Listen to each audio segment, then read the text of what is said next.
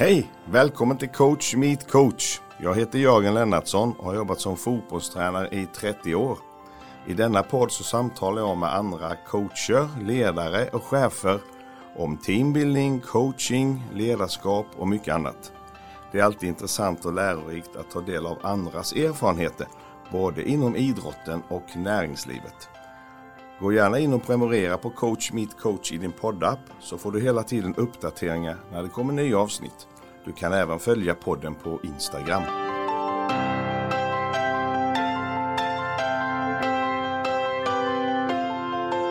Jag är glad att kunna presentera Folkspel som samarbetspartner till Coach Meet Coach. Genom att låta hela överskottet från försäljningen av Bingolotto och Sverigelotten gå tillbaks till föreningslivet så vill ideella folkspel bidra till växtkraft och till att göra Sverige bättre för alla. I det ingår att stödja framtidens ledare, bland annat tillsammans med Riksidrottsförbundet och utbildningsprojektet Eldsjäl 2.0. Folkspel, allt överskott till Sveriges föreningar. Tack för det! Hoppas du hänger med. Nu kör vi!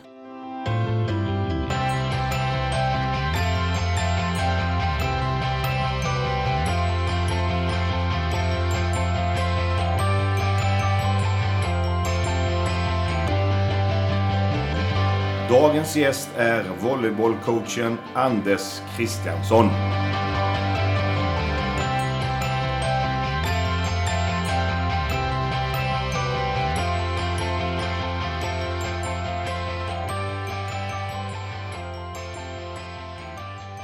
Anders Kristiansson, stort välkommen till Coach Meet Coach.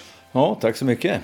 Född i Valdemarsvik, 71 år, 102 landskamper som Oj då. spelare Oj då. Ja, för då. Sveriges volleybolllandslag. Det stämmer? Ja, det tror jag. Ja. Coachingresa innehåller bland annat 12 SM-guld med Lidingös herrar, 14 SM-guld med Sollentunas damer, förbundskapten för det svenska herrlandslaget under 21 år, mellan 76 och 96. Tog då Sverige till fem raka EM och två raka VM-slutspel. Sverige har aldrig varit med efter det sen. Eh, olympiskt deltagande i Seoul 88 och ett fantastiskt EM-silver på hemmaplan i Globen 89. Sen var det utomlands. Noliko Maseik i Belgien. Liten stad, 25 000 invånare. Där var du länge. 15 belgiska liga cupmästerskap och flera Champions League-finaler. Sen blev det Iraklis i Grekland. Grekisk ligamästare där och sen blev det Olympiakos Aten. Där var det både ligamästare och cupmästare. Och sen var det ett mycket spännande äventyr i Japan, i Nagoya och klubben Toyota Gosei Fuerza. Flerfaldig japansk liga och cupmästare. Också Anders invald i volleybollens Hall of Fame som ende svensk. Din volleybollresa är helt magisk, Anders. Stort grattis! Ja, tack så mycket. Ja, det var mycket. Det var mycket, men det stämde. Ja, läs på bra. Ja, du glömde faktiskt. Jag var i Italien i tre år också. Italien glömde också. Ursäkta. Var... Innan jag var i Nolliko i Belgien. Okej, så det var när du slutade i Sverige så blev det Italien först? Ja, 88. Eller jag var ju samtidigt i Italien som jag var, hade landslaget kvar. Okej, ja, det är därför jag bommat ändå. Var, vilken stad var det?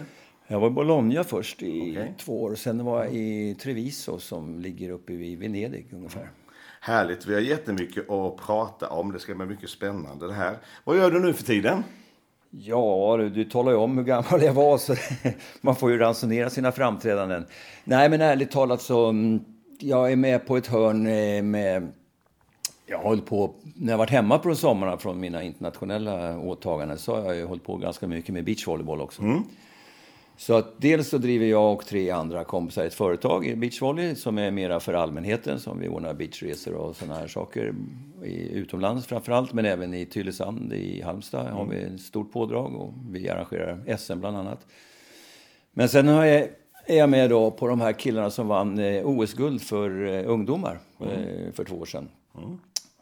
Som eh, jag är med på träningar, inte alla träningar, absolut inte, kanske hälften eller knappt det.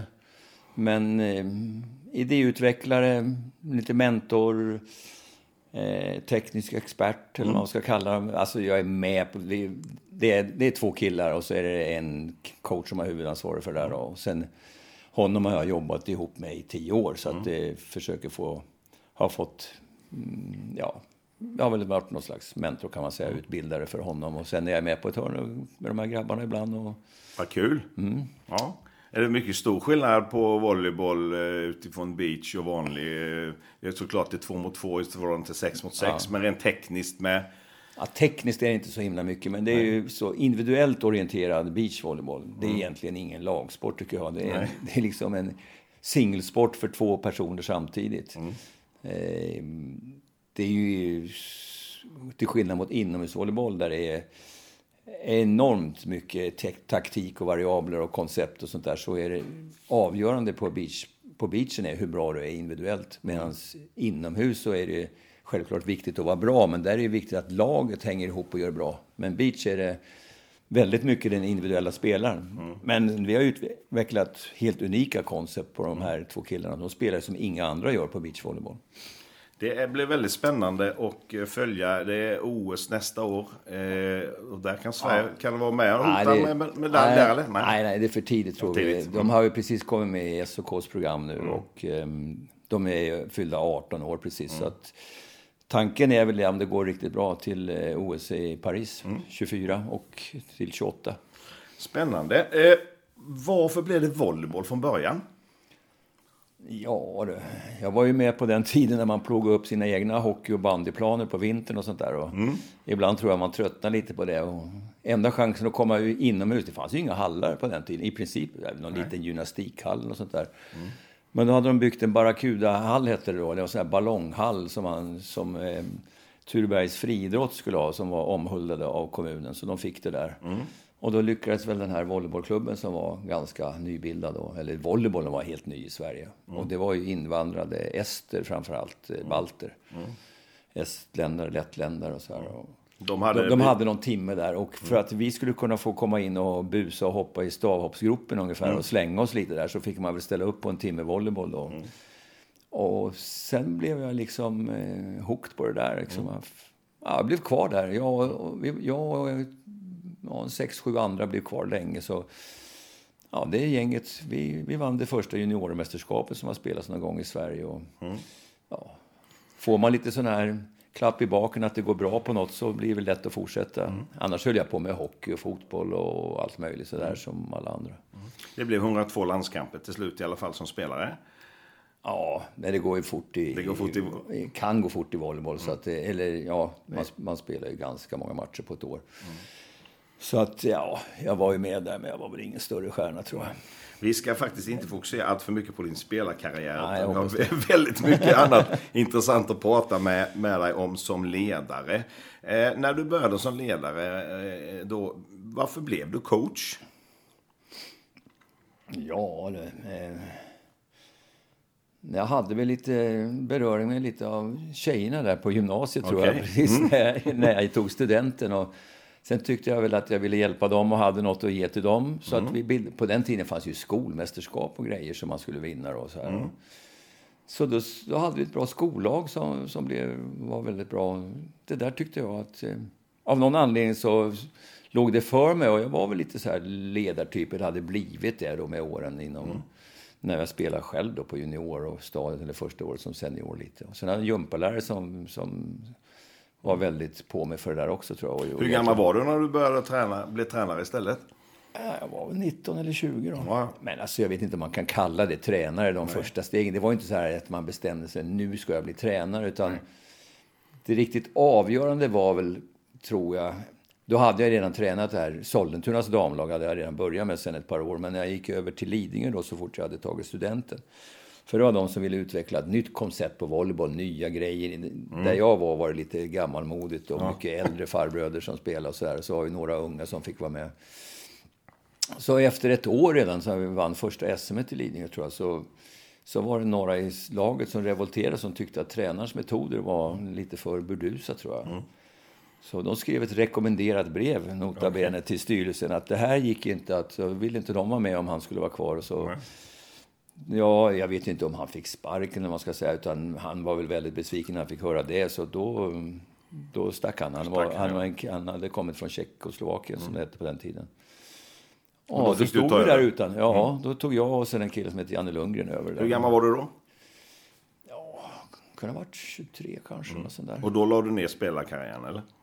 eller var du Nej, jag var så här spelande tränare. Mm. Och den andra killen var ju också, han var ju den bästa spelaren i Sverige. Janne mm. Lundgren hette han. Eh, så jag spelade vidare, men säg att första året kanske jag spelade 90 procent av matcherna och det sista året i Lidingö spelade jag kanske två matcher. Så att eh, det blev mindre och mindre och absolut mycket mer tränare. Men jag var så skadad också, dålig rygg och allt möjligt. Så. Fanns det vid någon tidpunkt där du kände att nej, jag passar bättre som tränare än som spelare? Kan man säga att det var vid något speciellt tillfälle du kände så? Eller? Det växte fram? Jag tror det växte fram. Jag ansåg mig aldrig vara någon fantastisk spelare. Men jag hade ju driv och ville bli bra. Jag, liksom, jag hade ju kvaliteter som, som man kanske skulle vara avundsjuk på än idag. Mm. men... och, och då kom du faktiskt själv in på nästa fråga, Anders. Varifrån kom ditt driv och hunger för volleyboll? Ja, jag vet inte får väl någon psykolog reda ut någon gång. Nej, men det finns ju om man tittar, tittar på olika idrottsmän. Jag menar, vi har Björn Borg och hans eh, garagebörr ja. och Ingvar Stenmark föddes i backen och, ja. och, så vidare. Men jag tror att alla människor vill ha bekräftelse av något slag. Och sen tar det sig olika uttryck. Och en del får bekräftelse genom att ja, leva en viss form av liv och någon annan startar företag och en tredje eh, inte vet jag, mm. tjänar massa pengar och en fjärde åker jorden runt och, och någon bestiger berg och någon får för sig att de ska bli bäst i idrott och någon mm. kommer på att jag ska leda det här laget så att det blir bäst på något mm. vis. Jag, jag, jag, någonting är det som, någon, ja, något erkännande. Alltså. Jag tror ingen kan förklara riktigt drivet att, och peka på en enda faktor. Nej. Men jag tror att nästan alla människor har någon form av driv och vill ha någon form av ja, erkännande eller bekräftelse. bekräftelse. Mm. Självförtroende av ja, det. Ja, det kommer ju av det. Mm. Liksom. Mm. Ja, men det är bra. Du, alltså, Hall of Fame, enda svensken eh, där. Ja, snudd på enda europeen tror jag. Eh, nästan någon mer. Ja, jag tror, det någon holländare va? Men de är döda. Ja, han står som holländare men han är amerikan faktiskt. Okay, ja. Och så är det en kille som jag vet inte om han står som argentinare eller italienare som heter Velasco som tränade mm. Italiens landslag i många år. Väldigt bra tränare. Mm. Men han är ju argentinare egentligen, men jag tror han har dubbla pass. Jag vet inte vad han står som. Ja, men det, det är... Och sen är, jag tror han är en ryss också om de ska resa som mm. europeer. Mm. Ja, men det är fantastiskt bra. Då, då, då känner man så här. Allt du kan om volleyboll, var har du lärt dig det? Ja, det, det är ju också en sån här mångfacetterad sak att när jag började så finns, fanns det inget att lära sig av. Det fanns ju, finns, fanns ju inga böcker, än mindre några sådana här... Det fanns ju inga video en gång. Nej. Alltså, efter flera år när jag hållit på redan blivit landslagstränare så vet jag, jag fick en film som Japan hade producerat om det var ju ren reklamfilm om hur mm. de vann OS och liksom häftiga mm. bilder och sånt där. Så man fick fundera väldigt mycket själv och titta och fråga. Och Sen gick jag i GH och sen läste jag på universitetet. Jag har läst mest de här såna här beteendevetenskapliga mm. ämnen och så här. Så att, och på GH fick man liksom den fysiologiska, anatomiska biten, även om GH var mycket konditionssnack. Mm. Det var inte så mycket. Jag fattade ju tidigt att det här handlar om att vara stark och explosiv och sånt mm. där. Volleyboll på toppnivå är ju väldigt mycket det. Mm. Så jag var ju på de här professorerna, liksom, mm. Åstrand och Saltin och alla de här, och Ekblom och liksom, hallå. Mm. Det finns andra aspekter än, än att liksom springa, springa där uppe på mm. jämländska våtmarkerna och sådär. Men eh, alltså kom det ju några killar in där som började forska lite grann på det där. Så överallt jag kunde komma åt information. Och så samtidigt så spelade jag, tränade lag och drog slutsatser. och och tvivlade förstås, för det mm. tycker jag att... Jag tror bara att man kan bli bra tränare om man ger allt och försöker vända på varenda sten, sten men ändå alltså, tvivla, frågasätter. Är det verkligen det bästa? Mm. Går det att göra på något annat sätt? Du, jag har gjort i alla fall. Du var utomlands också och besökte eh, andra större länder också, eller? Ja, jag var i Japan en gång och fick ett stipendium som jag tror via RF möjligtvis eller mm. och med ett försäkringsbolag tror jag som hade det där. Var, trygg, var det Trygg Hansa tror jag. Mm. Ja, jag vågar inte säga säkert om det var Folksam. Det, det är mm. något sånt där. Så jag hade ju, så fort det var någon här, vi spelade mot japanska landslaget då efter de hade blivit OS-mästare. Det var ju mm. liksom the leading star, det var ju det nya. De spelade på ett helt annat sätt. Än, mm. ja, volleybollen i Europa kom ju mycket från Alltså östblocket då liksom, det var ju kommunistköret som, som gällde. Alla de länderna var ju fantastiska. De, var ju anställda av staten bara för att spela. Så väst hade ju liksom ingen chans. Och väst hade väldigt liten kultur då också i, i, ja, på, på 1900-talets, ja, vad kan det vara, från 1960, 70, 80 någonstans där. Eh, Volleyboll kom ju på OS först 64. Så då fick jag åka till Japan då. Och, Så var jag där en hel sommar. Och Då hade jag redan gått GH, eller man gick på GH i alla fall. Jag, jag tror jag hade gått färdigt GH. Så att jag hade liksom baskunskaper för att ställa schyssta frågor och liksom inte bara gapa och köpa allting och komma hem och kopiera det. Utan eh, jag kunde liksom sätta det där i ett sammanhang och, och såg massa bra grejer samtidigt som jag såg grejer som det där var nog inte så bra. Det är väldigt bra. Du kunde kritiskt granska även, Ja. även en toppnationsverksamhet. Vad passar för mig? Vad passar hos oss? Ja, lite så. Men sen blev jag ju så att eh, jag hade ju lite så här one-liners eller slogan och jag sa ju att eh, jag- ska träna de svenska killarna till att bli lika bra som de japanska damerna tekniskt sett. Jag ska, jag ska göra tvåmeterskillar till japanska damer. Och En gång när jag tränade Sollentuna tjejer, så kommer jag ihåg jag sa till min bror så jag ska göra de här till killar. Ja, man måste ta det som är bra överallt när man ser det. Alltså japanska damerna på den tiden för mig, det var det mest tekniska du kunde se. Och sen så alla andra tittade på Östtyskland eller på Kuba och sånt där. Och det tyckte jag tidigt, ja men de kan ju bara en sak. De det är bara för att de är så fysiska. De kan ju bara hoppa eller något annat lag som var jättelånga. Så tänkte jag alltid, tänk om de kunde lika bra tekniska saker som, som japanerna kan. Vad bra, de skulle vara oslagbara. Du hittade inspirationen hos små tekniska spelare och försökte sen få det överförbart i längre fysiska Ja, spelare. Du hade ett klassiskt uttalande där i förhållande till skillnaden mellan att göra en lång spelare teknisk eller försöka göra en teknisk spelare som är kort lång. Vilket som är enklast. Ja. det är väldigt bra logisk förklaring på det. Jag tror det är enklare att försöka lära den här långa. Fast det tar ju ofta längre tid. Ja, det tar lite längre tid. Än att göra du, alltså, det här är otroligt in, intressant resa som du har, Anders. Du tränade väldigt många år, så tränade du både herrar och damer. Lidingö och Sollentuna. Dessutom olika delar av Stockholm. Ja. Hur fick du ihop det? Ja, man, ja, man fick ta några fortkörningsböter. Och sen på den tiden kunde polisen vara ganska snäll. Någon gång vet jag att det räckte att man kom upp med en tårta dagen efter. När man jagade genom Liljanskogen från Lidingö till Sollentuna. Ja, de tränade ju samma dag. Alltså vi, jag införde det här med att man skulle träna mycket också. Alltså träna varje dag och sådär. va. Så att det, det fanns ju inget annat. Det gjorde man upp så att de ena tränade 68 de andra 8-10 och sen 10 minuter före slutet på ena stället då kunde man sticka för då var det bara någon avslutningsgrej man skulle göra. Och så uppvärmningen fick de göra på det andra stället. Då. Matcherna? Ja, men det ordnade så att... Spelprogrammet kunde ja, du styra då, tjejerna- eller? Ja, jag kunde styra det lite med... Ja, man höll på lite och övertala folk. Så då blev det att tjejerna spelade oftast på lördagen då, och sen Mm. spelade killarna på söndag. Hur länge höll du på så? Ja, samtidigt var det väl åtminstone 12 år. ja. Du har ju alltså Alla, alla 12 åren med Lidingö var jag på Sollentuna. 12 SM-guld med Lidingö och 14 med Sollentuna. Ja, jag fortsatte två år med bara tjejerna. För då hade jag tagit landslaget igen och då tyckte jag att... Jag Det får räcka med två lag. Nej, men alltså, då skulle jag ta ut folk, men, alltså, landsortstidningar och andra gnällde som fasen om man tog med egna spelare och annat så, här, så jag tyckte det var, det var bäst att göra var så här. bäst. Och sen så, sen så hade ju programmet blivit lite större med landslaget ska man säga också. Du, det vet jag inte om det hade funkat i någon annan idrott eh, 2020 och ha det så. Ja, men alltså de tränar inte mer nu ändå. Nej. Så det skulle gå, men det finns inte någon som är lika idiotisk som jag var då. Kanske det. Du, eh, när du började som ledare och under din ledarresa, kan man säga att du har haft några speciella förebilder som volleybolltränare eller som ledare rent generellt? generellt? Och i så fall, varför är det förebilderna för dig? Jag kan inte ge någon person så. Jag, jag har ju varit uppkäftig jämt, eller var det, nu är jag väl inte det. Men alltså, jag har ju varit rebell liksom. Va? Så att... Eh, alltså våga inte göra som alla andra, det har ju varit min grej. Alltså. Men samtidigt inte vara var obstinat på något vis. Utan alltså, har trott så himla mycket på min idé om, om jag har trott att göra. Och, och då har jag gjort den tills ända in i kaklet som det heter. Alltså, det, och så tycker jag att de andra inte fattar. Och så, det har ju varit därför som det har gått så bra. För att jag har ju alltså, nästan hela karriären brutit ny mark. Även till och med när jag var i Japan fick man ju liksom få, var japaner att ändra på, så det är inte lätt.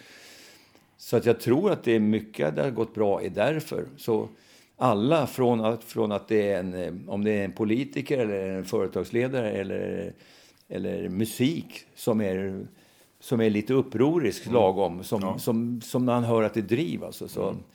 Rolling Stones var mina stora favoriter. De tyckte jag, alltså så slätstrukna killar som Beatles vill jag inte ha göra. Nej, det, det ska ju vara några som vågar säga något. Liksom. Ja, nej, jag förstår det. Ja. Eh, men om vi tittar på, på ledarsidan, det fanns ingen annan ledare som var sån som du fick inspiration av? Nej. nej.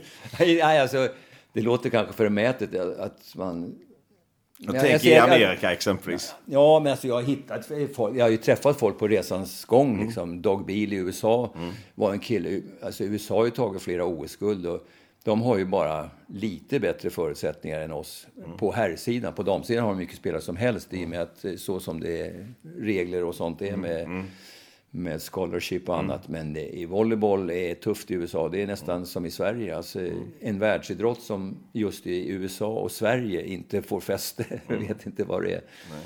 Men ehm, så honom har jag haft mycket utväxling med. Och eh, ja, det har funnits andra personer som under en kortare tid har varit inspiratörer. Sen, som jag nämnde förut, Velasco då, som är också med i Hall of Fame vi var ju stora antagonister, men vi, vi, vi har också jobbat ganska mycket ihop. Och mm. Efter att de här stora sjöslagen var mellan Italien och Sverige då, han hade ju helt andra förutsättningar där än vad jag hade. Jag, fick ju, mm. jag var ju första tränare, andra tränare och, och chaufför, på att säga, länge innan mm. fick lite folk med mig. Mm. Så, så har, vi, har jag hämtat mycket från honom mm. också. Och, ja, jag lyssnar på sådana här psykologer, mentala coacher, men jag tror att, att man får mera ut för att och, och tänka själv. Jag tror att jag hade inte kommit så långt om jag hade kopierat en annan volleybolltränare. Det tror nej, jag inte. Nej. Det är bra, vi kom in på många av de här sakerna sen. Eh, jag tänkte vi skulle börja prata lite grann om det här med ledarskapsfilosofi och det är ett väldigt brett begrepp och så vidare. Men du har ju varit väldigt tydlig ledare och så vidare. Kan, man, kan du på något sätt beskriva lite grann om din ledarskapsfilosofi? Ja, alltså det är ju också en, en, Det är en bred fråga. Det är en bred fråga med många mm. infallsvinklar på. Ja. Ehm, till att börja med så, så tror jag att... Alltså, det är väl inte så, att jag har bestämt mig för det, men jag tror att det är som du var inne på nyss, att man har det här drivet och motivationen. Och, alltså aldrig det finns aldrig någon sak som har varit viktigare än att om det har varit en träning eller en match eller något som ska göras så har jag avstått från allt annat som behöver göras. Mm. Alltså beredd att göra vad som krävs. Mm. I, nästan in absurdum. Mm. Alltså, det, man måste vara beredd att göra jobbet. Mm. Jag, tro, jag har trott på att man måste vara väldigt öppen för att ta in nya intryck, försöka titta på andra idrotter eller övriga saker i samhället. Försöka att förstå eh, alltså, förstå folk och, och, personer och sånt där, men ändå försöka plocka ut det bästa av dem. Inte liksom bli den här som frågar hur mår du idag lille Per, vad vill du göra idag? Liksom, det har jag nog inte varit, utan... Eh,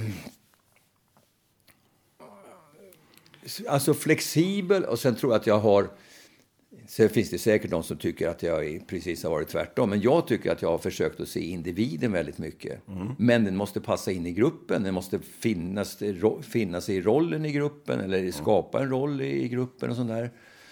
Eh, ja, så men väldigt framåt, framåtlutad, framåtsträvande, öppna ögonen. Vad är möjligt?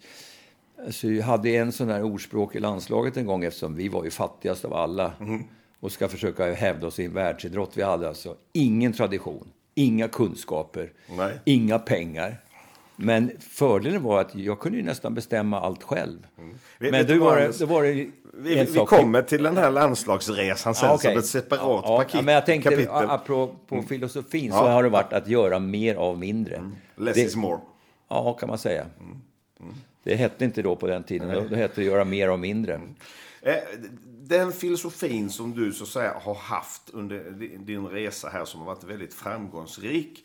Var det en filosofi som du hade från början eller var det något som förändrades och utvecklades väldigt mycket under de här åren? Den Anders Christensson som var de sista två, tre åren i Japan i förhållande till han som tränade två lag, Lidingö, Sollentuna, för lätt, jättelänge sedan. Skillnader. Ja. Jag tror att han var tusen gånger bättre, han som var i Japan. Mm. Men jag tror att han hade bara 10 procent av samma driv som han driv, hade ja. i början. Alltså, mm. Mitt driv var nog enormt, skulle jag tro, i början. Mm. Men kunskaperna har ju fått komma efterhand. Mm. Det är inte så att jag har, har tittat på en ny säsong, vad jag gjorde förra året, och lagt karbonpapper på den på något vis. Det, det, är ett väldigt bra svar. Men om vi fortsätter på ledarskapsfilosofi. Finns det några saker där du känner att du har, att du har väldigt tydligt ändrat inriktning i ditt sätt att vara ledare och coach? Med åren. Ja, jag... Det... Alltså, eller tydlig, jag tror att det är en gradvis, det är, det är ju delvis egen utveckling. Det är också att, att samhället och personerna förändras. Det är, det är inte samma sak nu som det var för 40 år sedan, eller något sånt där, eller 30 år sedan, eller 20 år sedan. Mm. Eh, folk beter sig inte, tänker inte, har inte samma värderingar, har inte samma utgångspunkter för, för vad man gör. Nej. Eh, så att man måste kunna följa med i det, tror jag. Och det tror jag väl att jag har, har gjort. Sen, eh, sen tror jag att jag var jag tror att jag var ännu mer tekniskt inriktad. Jag trodde att allting var att lösa den tekniska. Alltså volleyboll är en väldigt teknisk idrott jämfört mm. tror jag, med, med många andra. Alltså, annars så dör bollen om du inte har mm. koll på det där. Mm. Så att... Eh, kanske mera konceptinriktad på senare år och så. Fysbiten har väl alltid legat där, men sen har jag kommit på att den är inte så betydelsefull. Det är så lätt att göra den betydelsefull, men jag tror inte att den är det. Kan man säga att det mentala har fått mer och mer betydelse under ja. mer, desto äldre du har blivit? Jag tänkte säga det också. Att, ja, ett tag vart det där och sen, jag var väl med och lyssnade också på när Willy Railo och alla mm. andra kom med mental träning och sånt där. Att, jag tror att den är bra, men jag var väldigt tidig inne att jag vill helst inkorporera den i träningen och inte ha så många sådana här sessions där att ja, nu kör vi mental träning. Jag, jag har sett spelare som har somnat under sådana där och inte... Du vill eh, integrera den ja, träningen i den vanliga träningen? Ja, den har jag försökt att ta med mycket och mm. Allra först i början, då tror jag inte man tänkte på det. Om man, man tar då, inte vet jag, vad kunde det ha varit? 69, 70, 71, 72 någonstans där då tror jag inte man tänkte så mycket på den biten.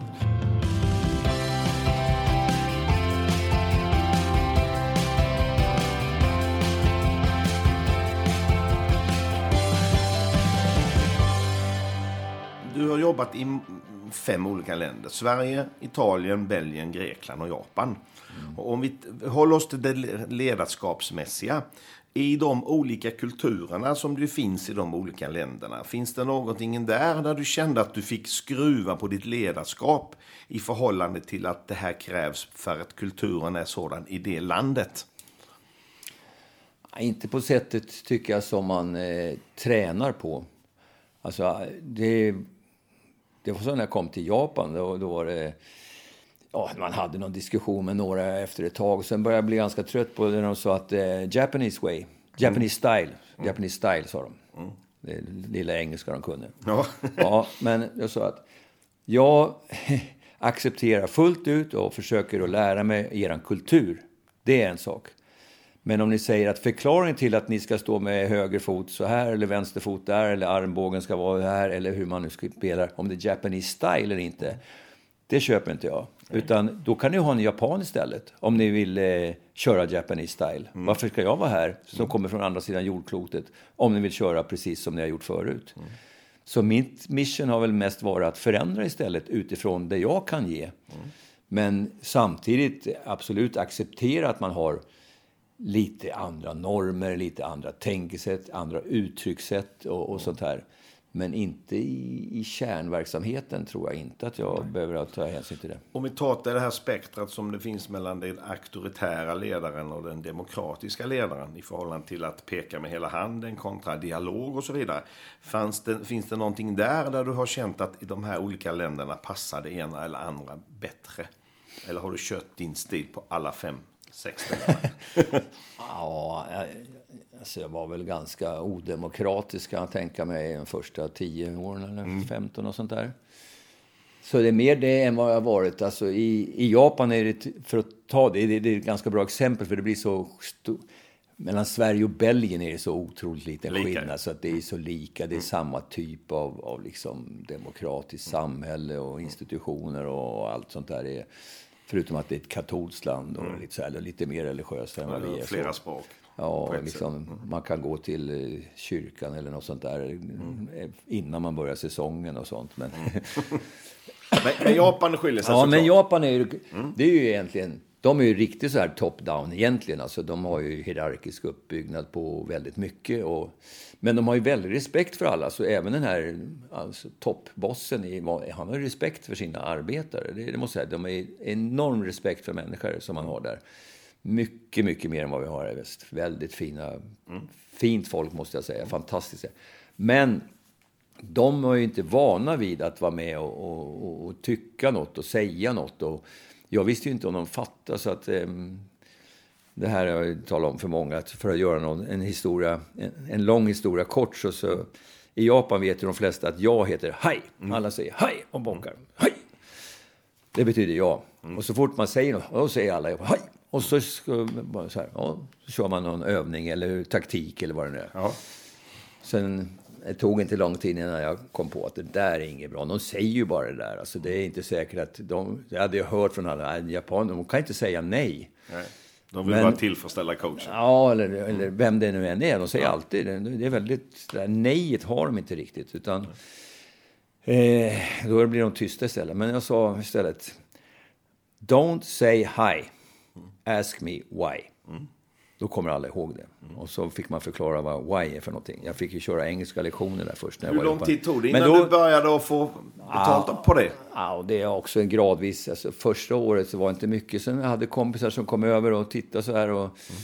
Ja, första året, ja, så här. De sa ju det efter då, tredje året, fjärde året, femte året fasen nu kan vi ju snacka med de här lirarna när vi kommer över. Vi kan ju ha en liten konversation med dem. Och de, de blev ju jättestolta gentemot andra japanska lagen som hade tolk. Jag, jag sparkade ju tolken det första jag gjorde när jag kom till mm. Japan.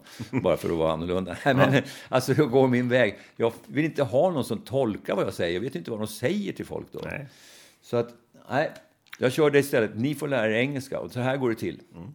Och så Ja, de var jättestolta mot de andra japanska lagen som titta, mm. vi snackar engelska, vi behöver ingen tolk. Så här. Ja, men det här är jätteintressant grej. Finns och det, det tycker mer? jag är lika stort ja. vinst som att vinna en match. Ja. Titta, jag har ett lag som är jättestolta att vi kan engelska. Och i och med att de kunde det så kunde man ha dem med. Det är klart man får dra mycket svaren ur dem, mycket mer än i... Alltså, det kommer ju aldrig någon japan och frågar varför de inte får spela. Nej. Och jag hade ju det här, jag sa till min, min högra hand där i Japan, du, tala om för de här varför vi spelar så här, eller varför de inte är med ens i laget idag. Så det var inte så att man har bara 12 stycken och, som ska tränas, utan det är 18 liksom. Mm. Ha, ja, han gick ju och gjorde det då ett par gånger. Men sen tredje gången sa du, de vill inte höra det. De vill bara veta, ska de vara med eller inte? Mm. Det, men du, det här med alltså att, att, ha en dialog med eh, sina spelare och försöka få dem att tänka själva och ha en, eh, försöka använda en viss form av resurs som finns i gruppen på något sätt. Jag kan förstå att det var också väldigt annorlunda i Japan. Hur attackerade du de delarna i ledarskapet? Ja, men jag har haft några så här, lite grupparbeten och så här. Mm. Och vad tror ni om det här? Hur tror ni att vi skulle kunna... Det här är statistiken. Så här gjorde vi förra året. Vad skulle vi kunna förbättra till exempel? Mm. Och så får de då vill ju alla tala om att allting kan bli bättre. Då får man ju tala om att tror ni verkligen det är realistiskt att göra det här? Ni har spelat så här i fem år, har det sett ut så här. Liksom, mm. Det är skillnader på en och två procent på vissa saker. Här. När men, de tror att man ska... Alltså men, man får börja med så, något som är enkelt som de kan behärska. Eh, men sen vill man ju bara att de ska vara med egentligen. Det Alltså, jag tar gärna in om någon kommer och säger att du, jag har en skitbra idé här. Vi, skulle vi inte kunna göra, spela så här i något läge? Om man då vet att det är folk som är kreativa och som skulle klara av den här grejen så, mm. så säger, gärna jag, säger jag gärna ja till det. Men det är väl ja, en gång på 25 som det är en bra idé i mina okay, ögon. Ja. Alltså jag har ganska många dumma idéer också. Och då får man ju vara snäll och tala om att den här idén inte är kass, utan mm. man ska tänka på den eller säga att det här är nog kanske bra för dig, men jag tvivlar på att det är bra för hela laget kanske. Men du kom ändå en bit på vägen i den processen att ja, få dem att börja tänka själva? Absolut. Mm. Men eh, som sagt, man får nog inte att de har idén till hur man ska göra, men just att förstå varför vi gör saker och förstå vilka, vilka valmöjligheter det finns mm. man kan göra. Du, vil, vilka lärdomar rent ledarskapsmässigt har du dragit på din tid i Japan? Oj. Om du nu skulle träna ett lag exempelvis i Europa igen, vad skulle du ta med dig då som du lärde dig ledarskapsmässigt i Japan?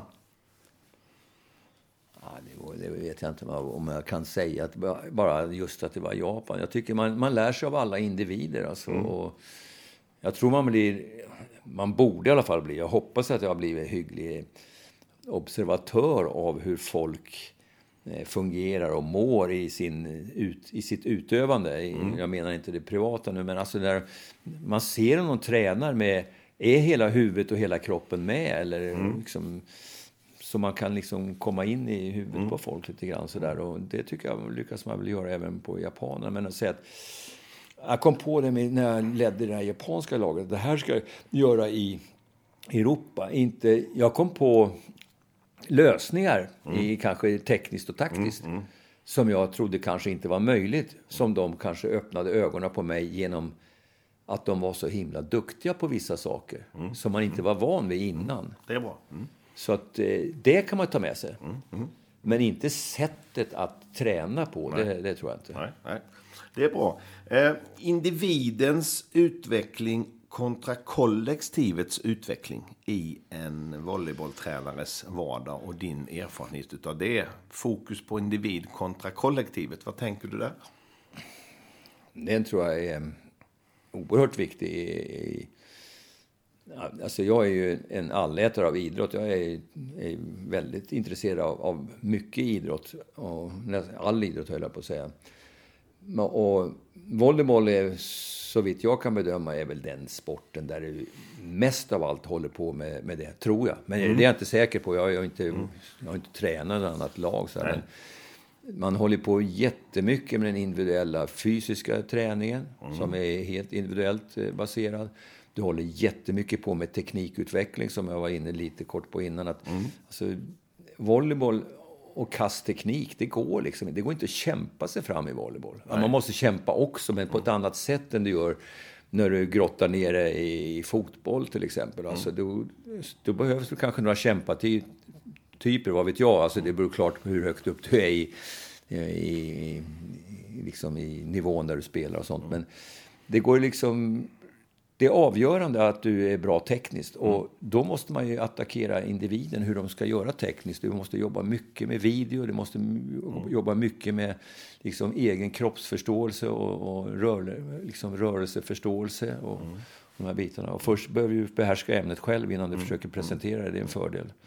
Men om man tänker sig alltså en, en, en, en, en coach arbete med ett volleybolllag är eh, väldigt mycket fokuserad på att individen ska förbättra sig som idrottsman rent individuellt. Mer än det att det ska vara ett taktiskt samhandlingsmönster i laget. Ja, du har ju olika situationer. Så har du väldigt tydliga roller i volleyboll på, mm. på hög nivå, behöver inte vara väldigt hög nivå en gång för att det ska vara det. Utan du mm. har en som bara passar bollar. Han gör mm. inga, ja han måste försvara lite bollar också, men han mm. slår ju aldrig en boll. Nej. Så har du någon annan kille som till exempel aldrig tar emot en boll. Alltså i serv, han tar aldrig emot en serv. Han Nej. finns inte med där, utan han, han ska bara banka boll. Mm. Så att då måste de ju träna på helt olika saker. Det är, Alltså det är nästan större skillnad än en målvakt och en utespelare i fotboll skulle jag säga. Mm. Så jättestor skillnad på. Mm. Så det måste vara individuell utveckling. Mm. Men sen så som du sa så måste de ju samhandla ibland. Men den här passaren ska ju leverera bollen till den här som ska slå bollen. Mm. Och då måste de ju förstå varandra. Eller alltså de måste ju veta när den kommer och hur mm. den kommer och sånt där. Och i vilket läge och hur snabbt och hur högt och mm. så här. Så att det är ju det är väldigt eh, snålt med timing som måste vara exakt. Mm. Och sen så i andra lägen, då ska du ha sex stycken som försvarar exakt på ett visst sätt. Jag tar den här biten av banan, jag tar den här biten av banan, jag tar det här. Då, ska, då har du verkligen samhandling på mm. sex stycken. Mm. Men när du ska utföra en, en ja, när, du ska ha, när du får bollen så att säga, då är det helt olika krav som ställs på olika spelare på plan. Mm. Nej, men det är bra. Eh, jag vet att du har använt ett uttryck som ledare också, att det handlar om att sälja idéer. Kan du utveckla det lite? Ja, det är någonting som jag de sista tio åren och sånt där har kommit mm. fram till att det är det viktigaste, mm. tror jag, ja. som ledare. Jag, jag tror att det är ganska uppenbart när man bara börjar reflektera över det. Och så, ju mer jag började tänka på det där, ju mer insåg jag att... Och sen fick jag lite stöd från annat håll utomlands också som, som hade kommit fram till något liknande. Och det tycker jag är frapperande. Det är väldigt mycket av utveckling som kommer... Li, det är inte alltid att det är en som leder. Det, det utvecklas på likadant sätt på flera ställen. Mm. Eh, ja, det är ungefär som ett virus som utvecklas olika, eh, likadant fast på olika ställen. Så om du har en jättebra idé och inte kan sälja den så att dina spelare verkligen tror på den och köper den, då kommer du heller inte att helhjärtat träna för den och då kommer du inte att spela för den idén. Men om du har en idé som inte är så bra, som när du sitter på och har något meeting med några andra coacher någon annan som du blir överbevisad om att den är inte så bra den där. Men du talar inte om det för spelare. Spelarna tror att det här är den bästa idén som finns. De är beredda att springa in i väggen för den här idén. Mm. Det ska bli deras idé, så har jag tänkt. Mm. Min idé ska jag sälja så att spelaren är beredd att försvara den här idén med näbbar och klor, så att säga. Mm. Det är det här som gäller. Mm. Och då kommer de att prestera i den. Då får ju klart, idén får inte vara kontraproduktiv eller vara den sämsta idén i världen. Nej. Men det är förhoppningsvis väldigt sällan hos någon som är driven och håller på med det här. Så att sälja idén, då kommer alla bli glada för att jobba. Alltså det hjälper till i motivationsarbetet, det hjälper till i utvecklingsarbetet. Sen är det en annan sak att det kanske hade kunnat bli ännu bättre. Mm. Men det är ju aldrig någon som vet. Det är ju Nej. sällan som någon vet i, inom idrotten, hade det blivit bättre om man gjort tvärtom? Det vet man ju inte. Nej. Men, men eh, är det här något som du eh, hade med dig från början, den approachen till det här? Eller är det någonting Inte också... medvetet. Ja. Nej. Men det har växt fram också ja, under resans gång? alltså på senare år, alltid när jag coachar andra coacher eller när jag mm. har någon clinics eller något sånt här så mm. talar jag om att det viktigaste, det är klart ni måste tänka efter vad det är ni vill ha gjort och på vilket sätt och hur det ska vara och allting, allt det där. Men sen måste ni kunna sälja idén. För det spelar ingen roll hur mycket du kan. Och jag har träffat på många teoretiska coacher. De är jättebra att analysera matcher. De vet allting och man pratar om de olika tekniska elementen och allting. Men deras lag spelar sällan så bra. Nej, för de säljer inte sin idé.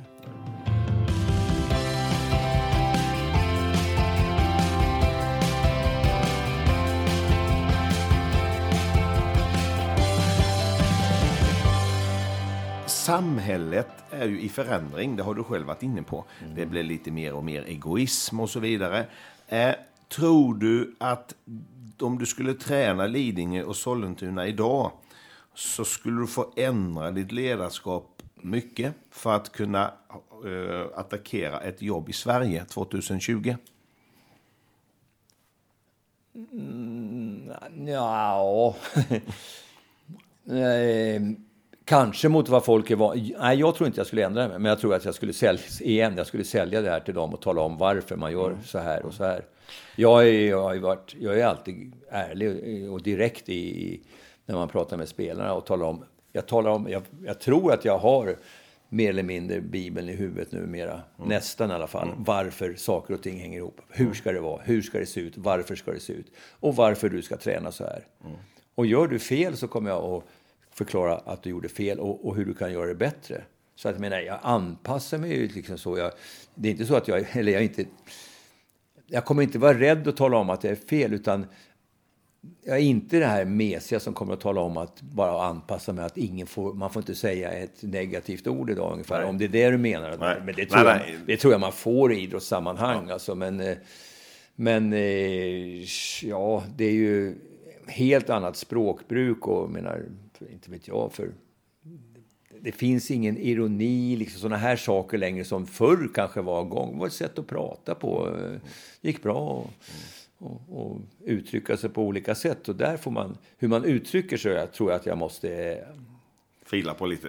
Ja, eller alltså, jag skulle ju tänka på det. Eller, jag, jag har ju insett hur, hur det fungerar. Jag, jag, som sagt, jag är ju på beachen. Vi har ju ja. ibland 300, utö 300 kunder, eller vad man ska ja. kalla dem, som ja. är, där. Och jag jobbar ju med att träna tränarna mycket, hur, hur de ska vara. Så jag förstår ju ungefär hur det Men jag vet att många tycker att jag är väldigt, väldigt tydlig, ja. för att säga lite. Det är bra, Anders. Du, vi släpper ledarskapsfilosofi-delen. Ja, eh, vi går in på det här med landslagets resa. När du startade var ju Sverige på extremt eh, Europas bakgård. Mm. Och du tog Sverige till x antal slutspel som vi varit inne på och även en EM-final, OS och så vidare. Egentligen från ingenting till denna enorma framgång. Kan du berätta lite om den här resan? Ni hade väldigt små resurser till exempel. Ja. ja först var jag inne i en, en, en period och hade landslag. Då, då, var det mina kompisar i Lidingö som man spelade med. Då var jag ju tränare för folk som var äldre än mig själv, hälften av laget tror jag. Mm. Och det var väl fram till eh, 79 och sånt där. Sen så hade jag mest damlandslaget några år. Jag, hade ju, jag var ju ansvarig för alltihopa där. Mm. Men så då hade jag någon assisterande som tog herrlandslaget. För det, där, landslagssäsongerna går inte att köra samtidigt, för de kolliderar. Det är mm. samtidigt träning och matcher. Men sen tog jag väl då juniorlandslaget 81, vad tror jag det var, 80-81 och sen fram till 82 och sen tog jag landslaget då med den här nya resan, den som har liksom blivit mer känd. Men alltså hela den här tiden och även då så var det ju Volleybollförbundet låg i Vingåker, mm. gubevars. Mm. Metropolen Vingåker. Mm. Som hade en gammal herrgård, kan man säga. Eller en gammal, ja, något så här, det låter stort, men en, en, ett hus mm. som var, det hette Åsens gård. Ja, det kanske var en gammal bondgård, herrgård mm. kanske var för att ta i. Och där förbundets lokaler var på nedervåningen. På övervåningen var det mer en vindsvåning, men det var ja, det fanns golv och sådär. Golv och innertak fanns det.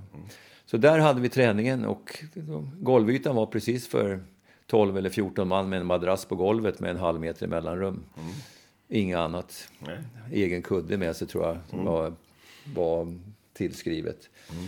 Så där tränade vi och i Vingåker och sov i den lilla sporthallen där i, i flera år. Gjorde vi nästan all träning där. Och mm. Det var ju i dagens läge spartanska förhållanden. Det det tror jag inte folk skulle eh, acceptera idag på något vis. Eller, alltså det är bortom förväntan. Sen om de kan sälja den idén så vore det bra. Men det gjorde att det drog inga pengar. Alltså jag hade, vi hade inga pengar.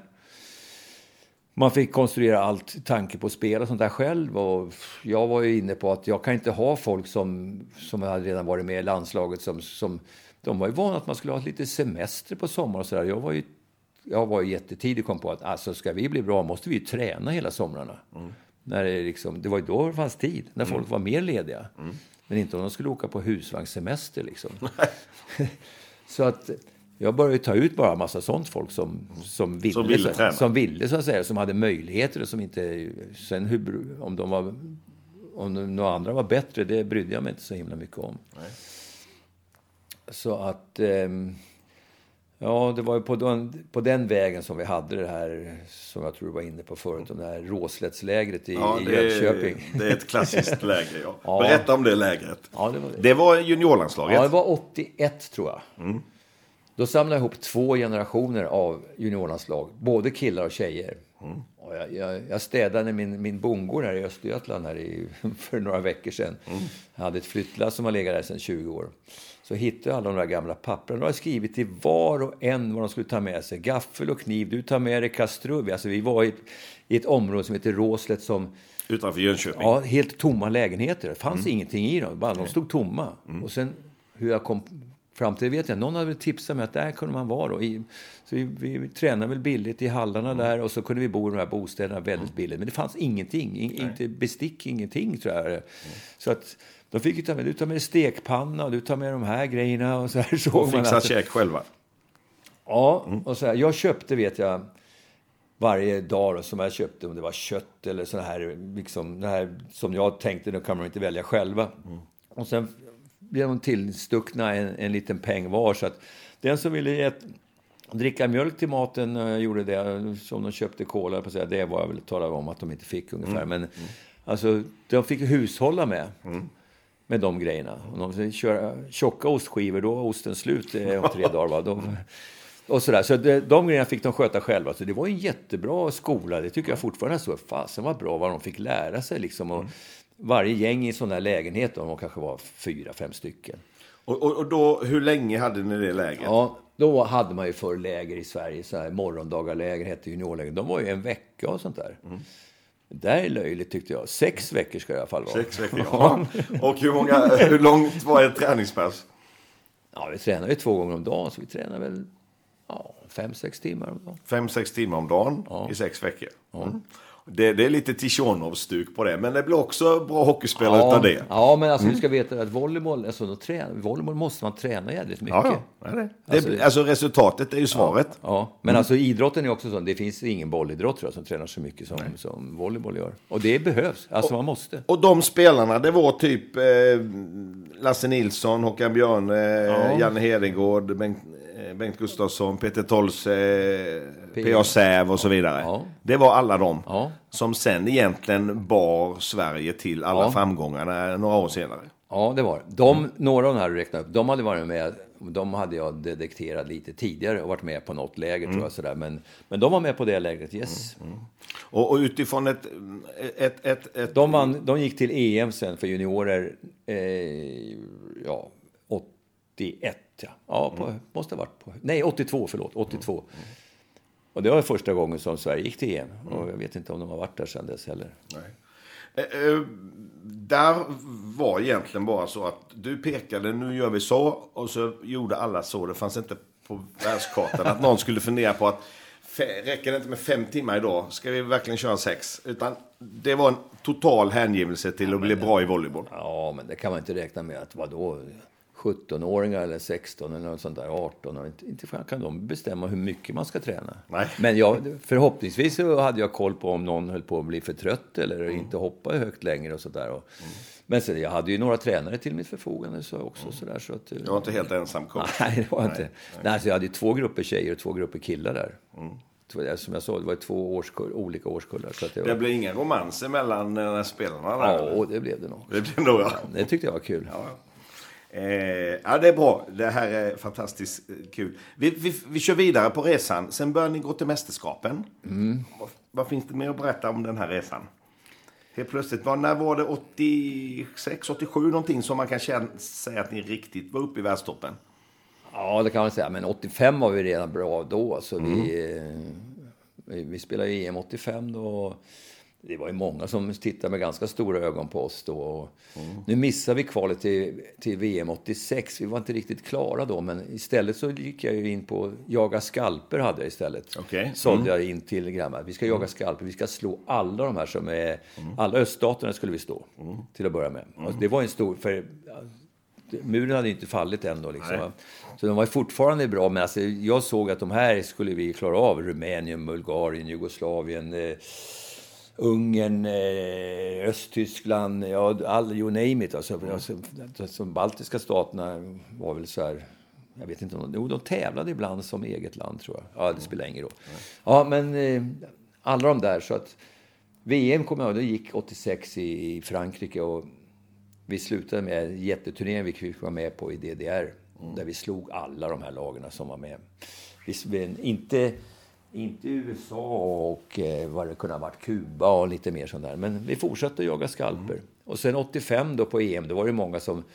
Då lyckades vi pressa Italien till 3-2 i avgör, alltså det avgörande sätt då för att eh, ta sig vidare till, om man var semifinal tror jag. Så att... Eh, Ja, då började det hända saker och Bengt Gustafsson hade vi hunnit exportera till Till Italien. och de Italien, hade fått ja. upp och han, han var ju en exceptionell spelare liksom som... Han var inte bra varje dag. Men, men de dagarna han var bra, alltså han... Han, Han var smashare. Ja, men alltså han hade en sån fysik så att... Och, ja, så han, gick, han drog ju sönder si- sina egna muskler kan man säga.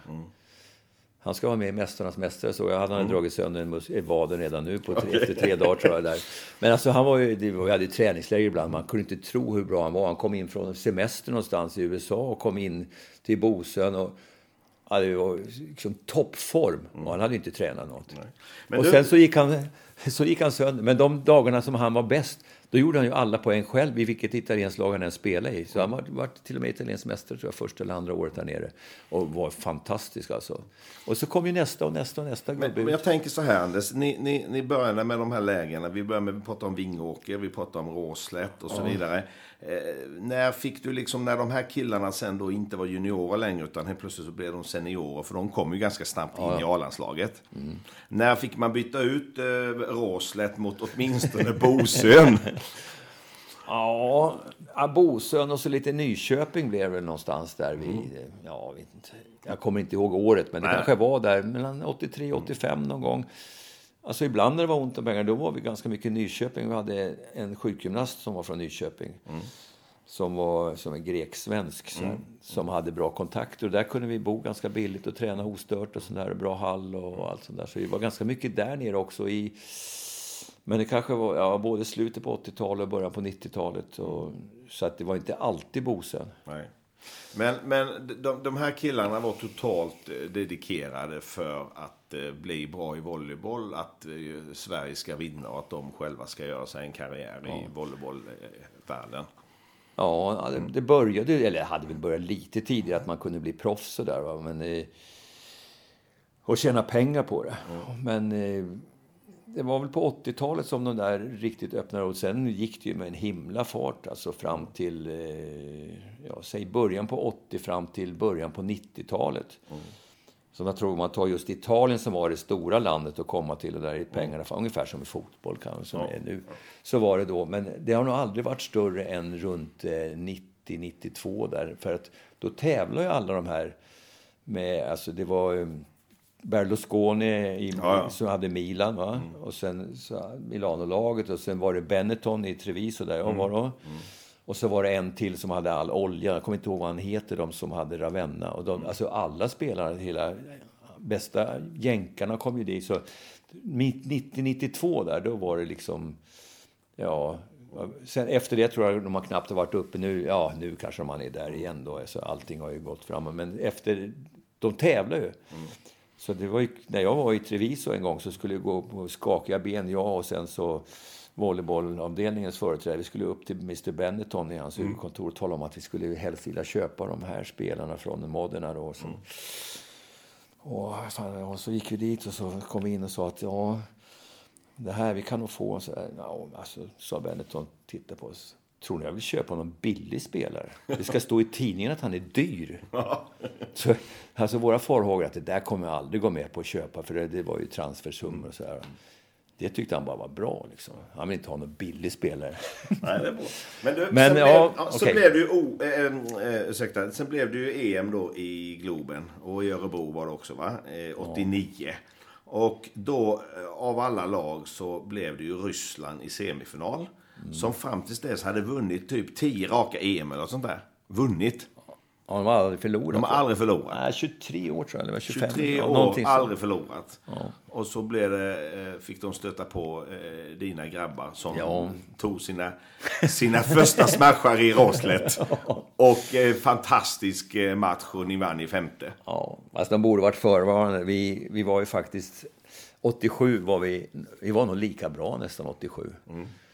Men då så kommer de ju på att de skulle diska oss därför att de tyckte att Håkan Björne var dopad. Mm. Alltså det där, du vet hur svårt det kan vara att förklara för pressen att ja, det funkar inte riktigt så här. Och det här var ju sin linda med alla de här dopingtesterna. Vi dopingtestade varenda dag. Det var liksom med lottdragning. Och, och det var men det två, var någon hostmedicin? Eller två eller tre. Ja, men mm. vi hade ju inte ens egen läkare från vana att ha med oss. Men nu hade vi en med oss. Men han var inte riktigt... Vi gick till den här chefsläkaren för turneringen. Han var ju ryss. Mm. Och sa att vi har en kille som har bioinflammation, eller öroninflammation vad det var han hade. Och eh, den, vår läkare visste ju vad som var bra att ta. Men kan man ta det här då? Mm. Det här medlet? Så, ja, ja, inga problem, sa den här, den här överkucku doktor. Så här. Det var jättebra. Och varje dag fyllde vi den här listan vilka medel som vi, varje spelare tog och så där. Och vi skickade in det här. Men han blev ju inte dragen ur det här lotteriet som vilka som skulle testa sig för en femte matchen och sånt där i EM. Då kom det ut. Men han har ju, det här går ju inte. Det, han hade ju den här substansen. Ja, men det står ju på varenda papper vi har lämnat in. Han sa ju det. Har aldrig sagt. Om det här skulle vara en av våra spelare skulle skickas till Sibirien med järnväg, sa Ja, det är sant. Ja. Alltså, det var ungefär som samma som idag. Vi har inte förgiftat någon. Vi vet Nej. ingenting om det här. Alltså det, det var sån chock för oss. Alltså vi, vi la ju ner efter det. Vi, då var det framme i semifinal, så vi hade vi ingen lust att spela mer. Nej, jag fattar det. Men det, att, vi, eh, vi måste prata mer om ja, semifinalen ja. mot, mot Ryssland. Eh, det är klart att det betyder enormt, mycket för dem med en fullsatt Globen och så vidare.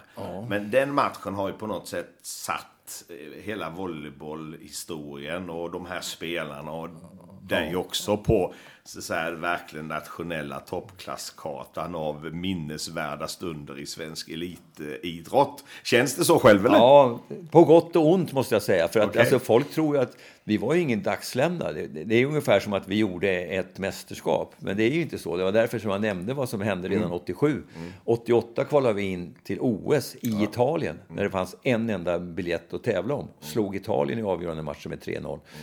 Och sån här, alltså det är mycket så här som har hänt som ingen vet. Ingen ska, men alltså i, i Sverige, i volleybollvärlden vet man väl det. Men, men det har ju, på gott är ju att volley, volleybollen fick ju en enorm uppmärksamhet under 89 då. På hemmaplan och det var tv, Globen var helt ny och alla de här bitarna. Och sen så slå ryssarna, eller Sovjet som aldrig hade fått stryk och, och så vart det en femsättare och det var liksom avgörande boll och alltså hela det här hela det här... ehm, ja, allt vad du kan tänka dig för någon som skriver en teaterpjäs om hur det här ska gå till. Liksom. Det var skönt att man jobbade utomlands, ska jag säga, för då var det, då var det jobbigt att gå och handla. Ja, precis. Nej, men det var härligt. Och sen tyvärr då förlust mot Italien i finalen. Sen då så var det ytterligare ett antal EM där va? Och- sen var det sista EMet var 93. Som Sverige varit med i. Det stämmer nog, ja. Och sen har Sverige aldrig varit med mer. Skulle det gå att göra samma resa igen med dagens unga volleybollspelare? Det är klart. Man måste utbilda dem först. Så måste du sälja din idé. Så måste du ha en bra idé att sälja. Råslätts lägenheter kanske upptagna, men man kan hitta några andra. Nej, alltså ska inte, man ska inte göra samma sak. Det, alltså, men man måste ju... ja, jag skojar, det fattar du. Men, Men, men, jag, jag eh, tror ju att man måste vara eh, påläst och alltså, du behöver kanske inte ens vara unik, men du måste göra, du måste göra någonting bra. Sen du måste ju få folk att eh, inte fråga först efter bonuset, så att säga, eller först efter vad får jag, utan man måste nog göra sakerna innan man får något först. Ty, tycker du att Sverige kunde förvaltat liksom arvet av de här framgångsrika åren bättre? Absolut. Det kanske var en dum fråga. Nej, inte- Jag absolut. säger så här. Om man tittar på handbollslaget så har ju de här spelarna varit väldigt bra på att bygga vidare på Bengan Johanssons arv. Eh, Stefan Lövgren, Gentzel jobbar på handbollförbundet nu. Jugomir Vanjes, Ola Lindgren, eh, Wislander, Magnus Andersson. Alla de är tränare för att bygga upp en ny generation. Är det någonting som man har missat på lite eller? Skulle man kunna göra det Ja. bättre? Det skulle säkert kunna göras bättre, men jag tror att det finns förklaringar också. Att, så volleybollen har ju, trots de här framgångarna, eller när jag sa tveklöst ja på att man kunde ha gjort det bättre och ta vara på framgångarna, så är det, finns det ju även förklaringar till det. att Hela laget, 89, hade jag ju hjälpt till, eller de var tillräckligt bra, men jag hade ju varit för det här att de skulle spela utomlands. För att bli bättre. För att eh, spela i större konkurrens och i bättre miljö och bättre möjligheter att träna två gånger om dagen och allt det här. Och det gjorde att det var ingen som var hemma och sen fortsätter man ju utomlands och sen så kanske man slutar sin karriär i landslaget men man var kvar utomlands och spelade eller något sånt där. Så det har inte funnits så mycket att komma hem till för de här klubbarna under tiden när man sa att man inte tog hand om det, de stod ju och stampade på nästan samma ställe som där de var när jag plockade upp de här enskilda spelarna som fanns i de olika klubbarna. Att jag, hade ju folk med det här landslaget som aldrig spelat en svensk elitserie. Tog ju med folk som bara hade spelat junior, juniorvolleyboll som kom med i landslaget. Så man, man måste ju... Alltså man måste ju utbilda varje individ. Och då kan man liksom inte vänta på, på en... Några tror att man ska vänta på en bra generation eller sånt där. Det kommer inte aldrig att hända liksom av sig själv. Och man kan inte vänta på att spelarna ska bli bra. För att Sverige idag i volleyboll, det är ett amatör... Eh, det är en amatörsituation man har. Alltså man har jobb eller pluggar och sen så, så spelar man. Så tränar man på kvällarna då, eller i bästa fall kanske lite sen eftermiddag och sådär. Men det är ingen som har det här som jobb. Inte ens halvtidsjobb utom några importer som man har då. Halvdana eh, som, som spelar i Sverige, för det är små pengar i Sverige.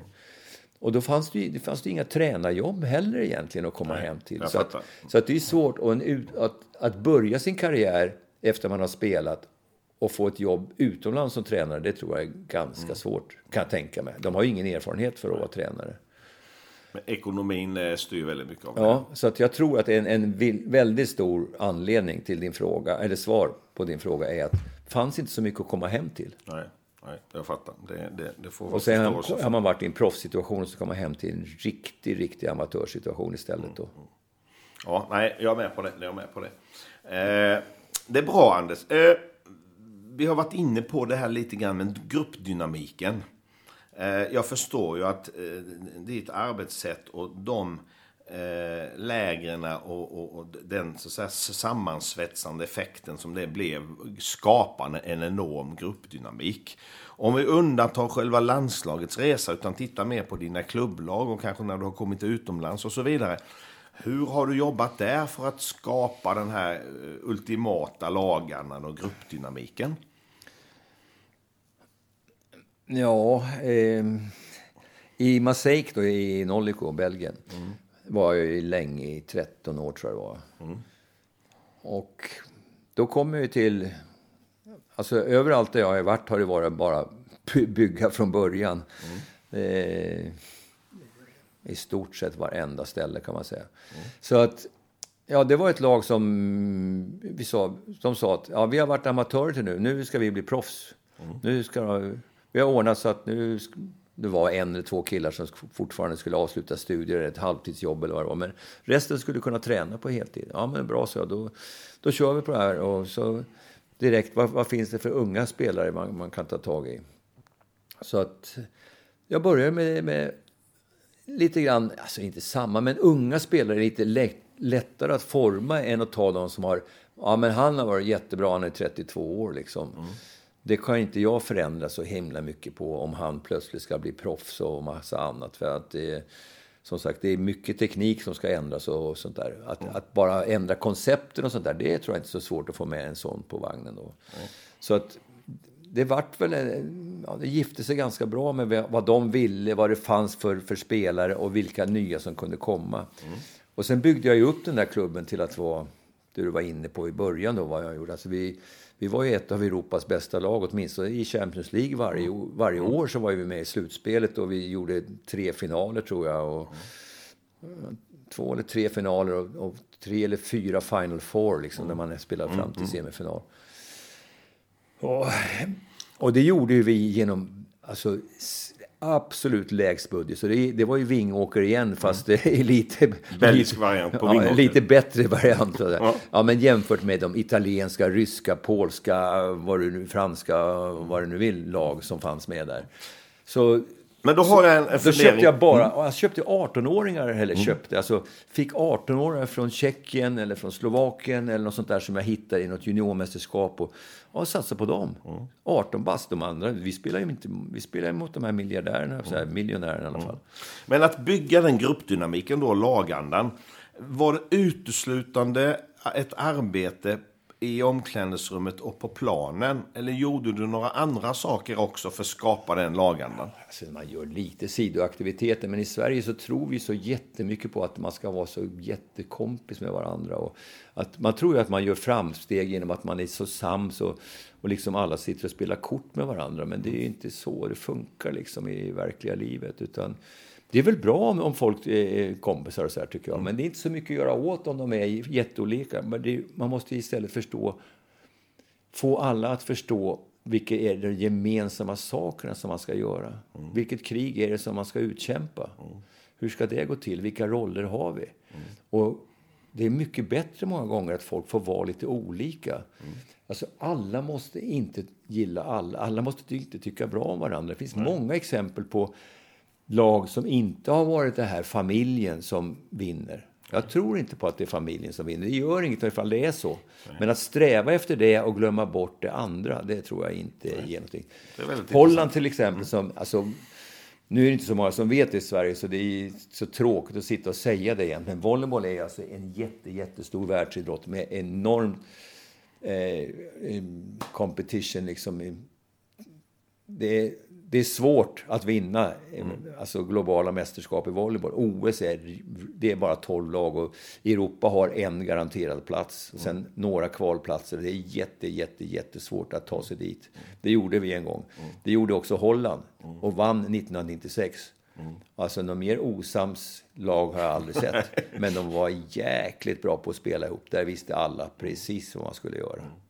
Men, men, men alltså där var det ingen som var direkt samma. Alltså de kunde ju de kunde vistas i samma rum, det var inte så. Men eh, alltså den ene tyckte att han var mycket bättre och borde spela när den andra var kass egentligen. Alltså. Men att skapa den gruppdynamiken då, om vi bortser från att man åker och spelar minigolf tillsammans, utan man gör det i själva träningsarbetet. Ja. Tydliga roller ja. är en viktig nyckel. Ja. Har du några mer sådana viktiga nycklar? Nej, men alltså man måste ju se till att alla kan alla acceptera varandra och när man tränar och när man gör sådana saker, även utanför. Men du måste få folk att eh, vad heter det, ja, respektera och, och liksom premiera jobbet som görs. Alltså, annars kan du aldrig spela ihop om han som ska leverera bollen om du inte gillar honom och tycker att han är kass.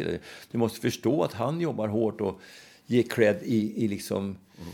i, i arbetssituationen och det man ska göra tillsammans. Mm. Man måste kunna och om man jobbar hårt tillsammans, sex timmar om dagen, vilket det handlar om nästan hela tiden i volleyboll, mm. alltså i klubblagen också, mm. så, så är det nästan enda vägen att man förstår att vi måste jobba tillsammans om vi ska få det här gjort. Annars mm. kommer inte det här att gå bra. Nej. Alltså om inte du och jag löser den här uppgiften, den här övningen tillsammans, då kommer tränaren att stå här tills vi gör det. Mm. Han kommer att bara vänta tills vi gör det. Mm.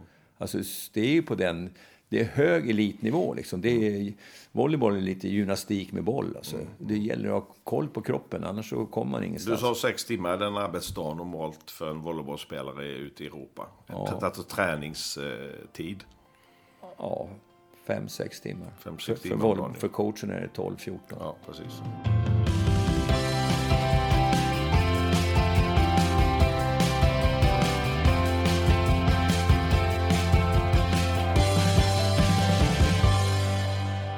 Eh, det är bra Anders. Nu kommer vi in på ett annat kapitel här. Eh, det kallas för fem snabba svar. Okej. Okay.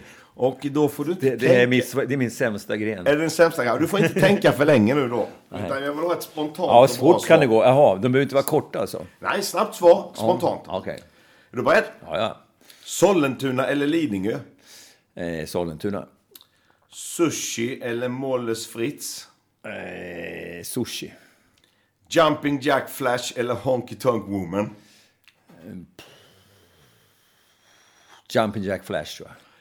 Mästarcoach i Grekland eller i Japan? Japan, gånger hundra. Eh, Maldiverna eller New York? Maldiverna, för jag har aldrig varit där. Du, det är bra. Ja. Eh, nästa eh, tema här, målsättningsarbete. Mm. Att sätta mål eh, för verksamheten. Hur har du jobbat med det i dina lag?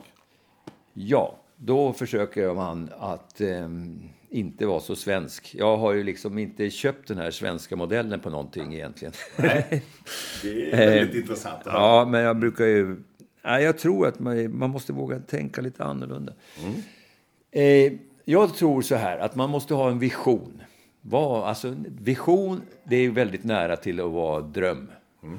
Så att, ja, vision eller dröm, vilket du vill. Mm. Ja, det har man någonting. Vad fasen skulle kunna gå att göra? Tänk om. Så här. Ja, om man har det, då ska man ha en strategi. Mm. Och en strategi är något annat än taktik. Och, och då, ja, vad är strategin för att attackera det här? För att möjligtvis gå den här vägen mot den här visionen. Och sen Ja, då har man den klart för sig. Det tar en jättelång tid att ta, ta fram vad man vill göra där. Mm. Så kommer nästa och det är målsättningen. Och mm. de tror jag, jag har aldrig trott på de där målsättningarna. Därför jag säger de här sakerna först med vision och strategi är för att du ska förstå när jag säger att målsättningar jag gillar inte de här som har målsättningar jämt i Sverige som alltid ligger så långt bort som man är inte förpliktigad till att göra ett skit nästa dag. Nej, jag menar precis vad du menar. Mm. Utan jag har ganska, haft ganska korta målsättningar i regel. Mm. Och då ska de vara konkreta vad du ska göra. Och så hatar jag inom, den här, inom sportvärlden att, att målsättning är lika med placering. Mm. För du har inte en aning om vad dina konkurrenter håller på med. Nej. Så det är bara, det, jag tycker det är ljug att mm. säga att målet är Alltså, förutom att målet i all idrott är att vinna. Mm. Det kan jag alltid säga. Mitt mm. mål är att vinna. Mm. Ja, då stannar vi där. Men då, det blir inte så mycket, det hjälper inte så himla mycket. Nej. Men målet är vad du ska göra, alltså prestationen. Vad, hur ska det gå till? Mm. Men då börjar jag prata om att, enkelt uttryckt börjar jag säga så här att mm, mitt mål det är att hoppa 2,40 i höjd. Och varför då, då? Jo, för att jag tror, om baserat på som folk har hoppat innan och de jag känner, så tror jag att de andra hoppar bara 2,30 säger vi. Mm.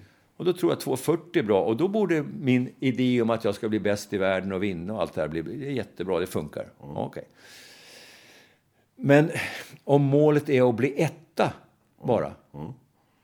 Ja, men det säger ju ingenting. Jag vet ju inte vad den andra gör. Tänk om, om mitt mål är att bli etta och sen är det fortfarande, ja men jag hoppar 2,40. Men den andra hoppar 2,50. Mm. Eller 2,41. Mm. Ja, har jag, jag har misslyckats då, för jag nådde inte min målsättning. Mm.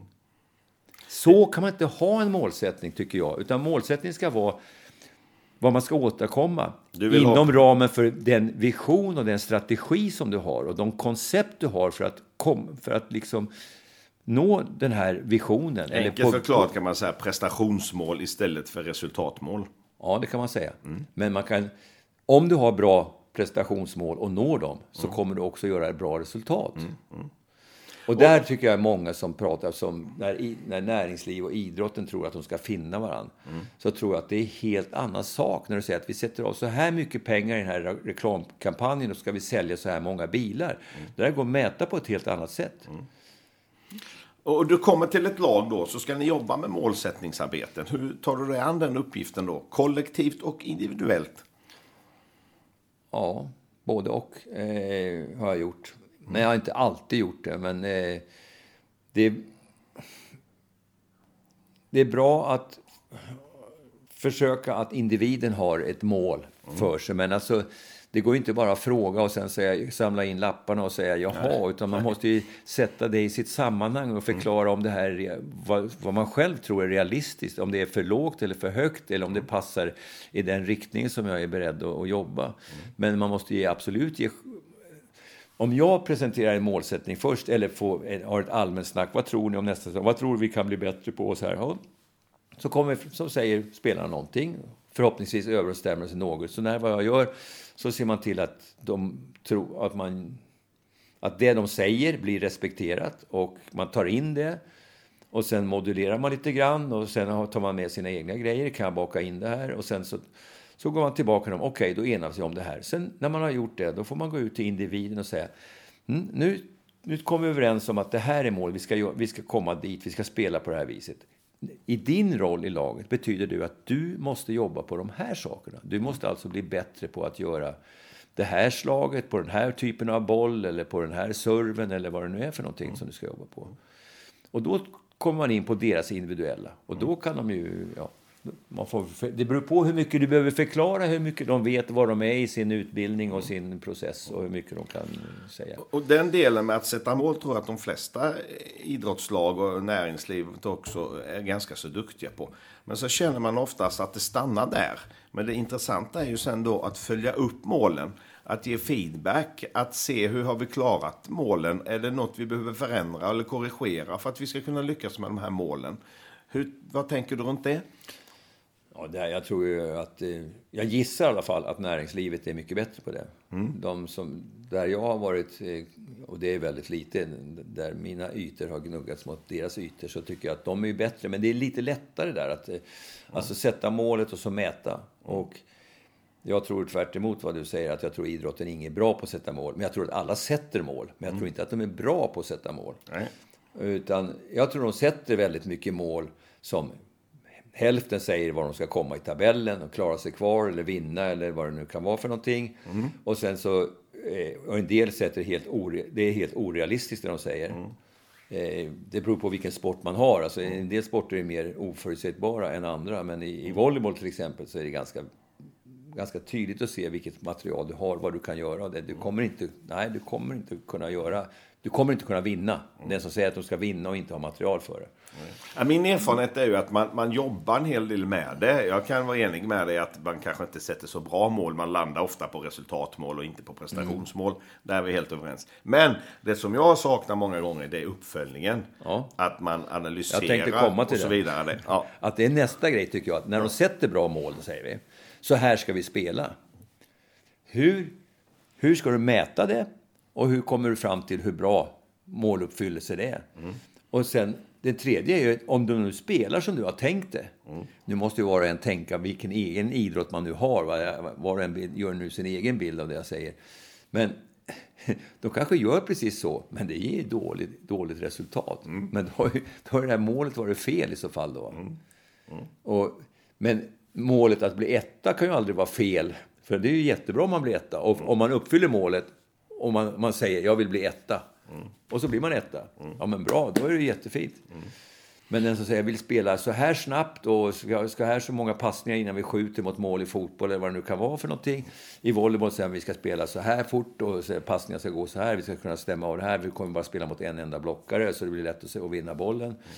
Och så mäter du, ja fasen, våra passningar går ju skitfort här alltså. Och vi slår ju till på den här bollen men vi blir bara femma. Mm. Okej. Okay. Det är bra. Du, vi går in på något annat som vi har pratat om lite grann innan här. Mentala faktorer. Mm. Din eh, sätt som ledare att bygga en individ och en grupps självförtroende. Vad har du för tankar runt det? ja, det... Ja, alltså... Man pratar mycket, alltså jag tycker det är, det är en jättestor fråga och det är också ett jättestort arbete som pågår egentligen konstant hela tiden. Mm. Och jag jobbar väldigt mycket Framförallt när det är lite lägre nivåer så talar jag om folk att du måste, du måste se till att folk lyckas i det de gör. Mm. Och då försöker jag ha för mig själv, det är lite egen skräddarsytt där att ja, sju av tio action ska, vara, ska du göra det som du avser att göra. Det betyder inte att jag vinner sju av tio bollar. För att om jag har ett lag, då, då är det sju av tio som förlorar på andra sidan. Då kan inte de uppnå vad de ska göra. Nej. Men du måste komma, alltså du måste eh, exekutera det du ska göra sju av tio gånger på rätt sätt. Det du vill göra. Mm. Och i vissa saker, då kan man ha sju av tio. Till exempel surfmottagning ska sju av tio ska fram inom ett, in till, dit, till target, dit du ska med mm. bollen. Dit du har förebestämt att bollen ska. Du frågar hur man bygger självförtroende. Då genom övningar och genom... Eh, man kan inte bara klappa folk i, i baken och, och, tala om att du var jättebra idag och så har de misslyckats hela tiden. Utan du måste ju skapa sånt som gör att de lyckas. Och när de lyckas så brukar jag highlighta det väldigt mycket. Eller när de misslyckas så börja om och skapa något enklare. Eller om det är saker de ska kunna göra så gör om, gör om, gör om. Skapa samma situation igen. Och så gör om tills man lyckas. Mm. Så att jag tror på väldigt, inte så mycket på konstlade grejer. Alltså, folk får inte bättre självförtroende för att du spänner upp en lina som folk ska gå över eller att de ska ramla och du ska ta emot dem och sådana här grejer för att få... Alltså jag tror det bara kvasgrejer det där som jag... Jag tror att det är... Vi kan göra det, det, det skadar inte men det, det, är inte där det, det byggs utan självförtroendet byggs genom att du vet att du kan göra saker och lyckas med saker. Mm. Sen så kan man genom sina ord och vad du visar för video och andra handlingar visa på alltså proof, bevis på varför vi kommer att göra... Om du gör det här, titta när vi gjorde så här förra gången och så visar man på någonting. Eller om du bara kan berätta och alla har samma upplevelse. Se, om vi gör så här. Och det, därför som jag tror att jag, som ju haft väldigt mycket underdogs-lag hela tiden ja. som ska lyckas. Så har jag alltid, för, alltså ärligen för mig själv, sett möjligheten inför varje match. Men om jag tittar framför för en säsong eller när man får gruppen tilldelad i Champions League. Eller vad Fy satan, det här kommer vara svårt. Alltså, det kommer inte att gå. Nej. Men sen när jag kommer till matchen så är det alltid, jag alltid tycker att ja, men bara vi gör så här. Liksom. Mm. Så här ska du göra, Kalle, och så här ska du göra, Benga. Så här gör vi. När, när han får bollen, eller när de spelar dit, då gör vi så här. När de servar, då, då försöker vi göra... Så alltid måste man, man bryt, måste bryta ner spelet i små bitar för att se vad man ska lyckas med. Och då hamnar vi väldigt tydligt på rollerna. Ja, då som hamnar... är viktiga för självförtroendet. Ja, på rollerna, vad de ska göra, eller hur vi ska göra som lag också. Mm. Hur ska vi göra mot dem? Han slår alltid så här. Det är lugnt, vi bara gör så här då. Ja, jag vet att han är bäst i världen på att slå så, men om vi vet att han slår så här, då kommer vi enkelt att kunna stoppa det här. Eller om vi anfaller, titta, han åker dit på såna här grejer. Han som är världens bästa blockare. Om vi fintar den här grejen, han går ju på den här finten. Mm. Och sen har jag gjort många grejer såna här som har varit så att kan man få ryssar lite skärrade eller kan man, de här är inget starka mentalt. För de har ju så lite, de har aldrig diskuterat igenom vad de gör. Mm. De vet ju inte varför de gör saker, de bara är bra liksom. Och då har du byggt självförtroendet till både laget och ja. individerna på det sättet? Ja, som kommer från att man vet vad man gör och vad man kan. Mm. Och då kan man uträtta stordåd. Väldigt bra.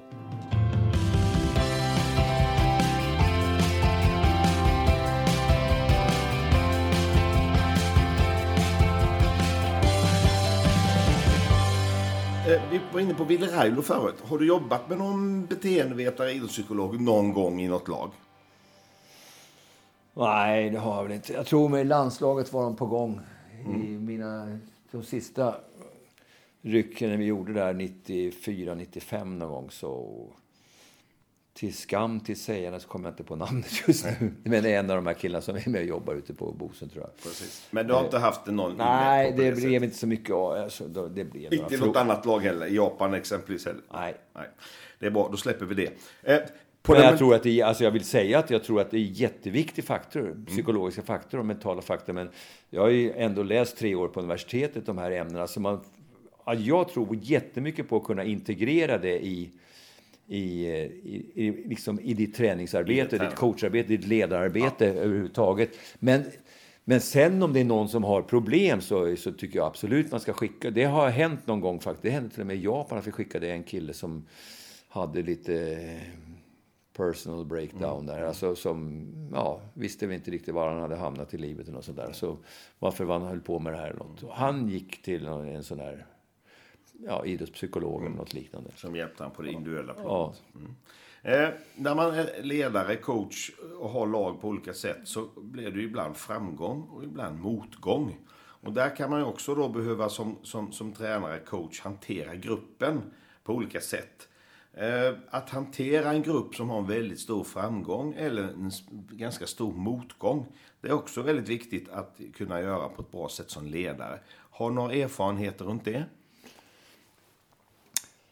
Ja, jag tror att man ska vara den här nivellerande personen, alltså den som drar liksom åt mitten. När det är dåligt så får man eh, försöka att eh, fånga upp folk eller laget eller alltså och, eh, lyfta lite. Lyfta upp det lite mm. grann, ja. Och sen tvärtom när det, börjar, när det går för bra får man försöka få folk att stå på jorden. Men däremot så tycker jag att man kan, eh, man måste ju tillåta laget och även sig själv och, och liksom i stunden vara glad och fira och tjoa lite när man vinner. Absolut. Men eh, sen ska man vara ganska snabb på att relativera det här till så att man ser att oj, det, vi har faktiskt grejer som vi kunde ha gjort bättre fast vi vann. Mm, och mm. När man förlorar så finns det alltid saker som man kan hitta som oj, det var inte alls så dåligt. Mm. Och det vet jag inte om det är specifikt för volleyboll, men det har jag upptäckt ja, för länge sedan, åtminstone tio år sedan, att den här videon är så... Alltså den tar udden av allting. Det är när man tycker man spelar toppenmatchen och går man hem och nu ska jag gotta och ska kanske till och med titta på hela matchen i mm. följd liksom. Ja, men det var ju inte så jädra bra Nej. tycker man. Och sen när man kommer och ska titta på den här dåliga matchen. Fan, nu måste jag rätta till där och nästa vecka måste vi fan ta och skärpa till och så jag ska se vad jag ska jobba på. Och så visar det sig att nej, men det var inte så dåligt det här. Allting går mot mitten. Ja. Verkligheten ja. går mot mitten. Ja, jag har exakt det. samma erfarenhet. Ja. De dåliga matcherna blir bättre efteråt och de bra matcherna blir lite sämre efteråt. Mm. Det, är, det är en bra eh, infallsvinkel, absolut. Det är ju fördelen ofta i volleyboll, när man gör något bra då gör man ju mål. Alltså. Mm. Då, då, slår man ner bollen, då vinner man ju. Alltså, I ditt fall så kan man ju spela jättebra fotboll fast man gör inte mål. Så är det, absolut. Du, eh, du har ju tränat eh, stora lag och så vidare. Det, rent mentalt själv, den här eh, krav, press, förväntningar, yttre krav som är att hantera det rent mentalt för dig själv. Hur har det varit? Ja, för det mesta ganska bra faktiskt. Mm. Eh, Alltså före match och sånt där har jag alltid sovit som en stock. Jag har aldrig legat vaken inför matchen. Hur ska det här gå? Hur ska det, så här? det har jag aldrig varit.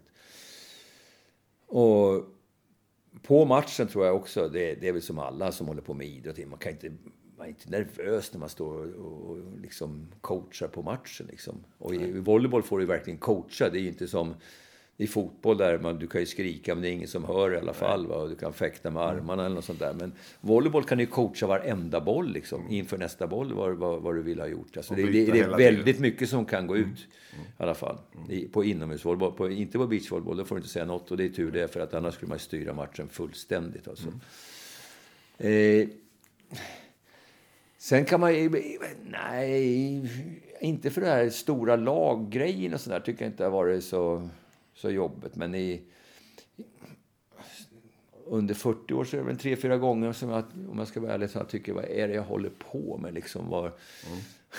var, är, var är jag i livet? Eller var är, vart är jag? Alltså, för det mesta tycker man att det här är värt, det är jättevärt det, det man håller på med. Alltså, det, är ju, det ger ju kickar eller det är, man får bekräftelse eller vad det nu är för något. Det vi pratade om i början, det här drivet. Men så ibland så, ja, ja, och så blir man besviken på alla, eh, eller tycker alla de här runt om, de fattar ju ändå inte. Så, så genomskådar man folk som bara tycker att det är bra när man vinner och så, så är det ingenting mera egentligen och lite sånt där. Men har, det, har du känt dig otillräcklig någon gång?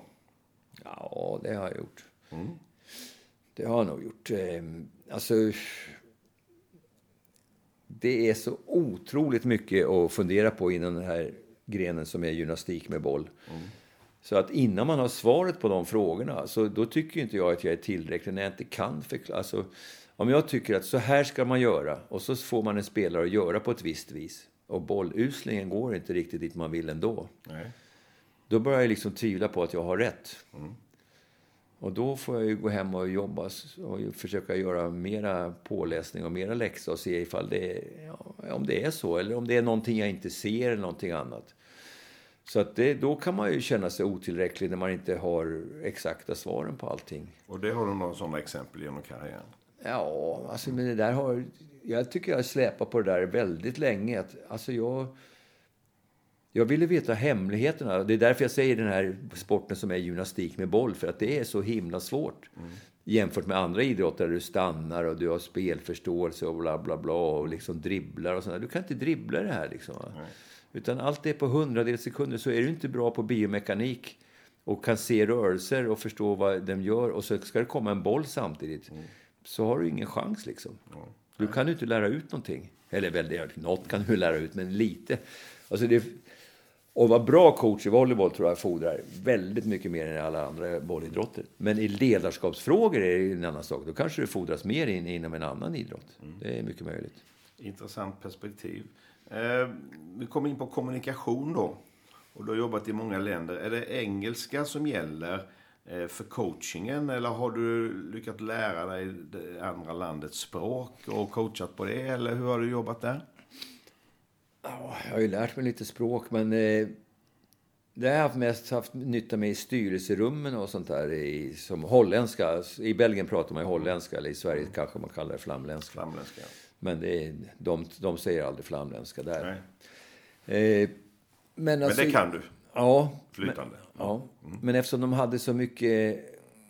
Eller vi hade så mycket utländska spelare där. Mm. Så var det liksom aldrig aktuellt på träningen att de skulle komma och på ett år lära sig flamländska. Så när det kommer någon från Tjeckien eller från USA eller något sånt där. Jänkar är ju, är ju notoriskt dåliga på att lära sig något annat språk. Så att, då körde vi allt på engelska och då försökte vi några gånger, några år försökte vi även få all kommunikation. Så fort vi var någonstans på bussen, var som helst, ingen fick prata flamländska med varandra. Alltså två belgare får inte prata, de måste prata engelska. För att försöka inkludera alla grupper. Men jag släppte på det där sen jag, jag såg inte att det vart så mycket bättre. Nej. Av det. Så att det, det tror jag man ska acceptera att några är bra kompisar, sitter och pratar med varandra på bussen eller före träning och några andra pratar med någon annan och sådär. Mm. Mm. Bara att alla kan prata med varandra. Så då, då blev det ändå engelska där. Förutom som sagt med, med folket i styrelsen och runt om och sånt där. Då var det bra att kunna prata holländska med dem. Och det uppskattades väldeliga måste jag säga. Italienska kan jag också. Och där kom sportchefen. När jag hade varit i ja, tre, fyra månader i Bologna första året. Så han kom och gnällde. Eller han kom gående bakom mig och en kille till, där, lagkaptenen i laget. Vi pratade engelska så här, med honom. Han kunde engelska. Då, så här. Ah, prata inte engelska, prata italienska. Det får vara slut med det här med engelska nu. Liksom. Nu har jag varit där i tre månader.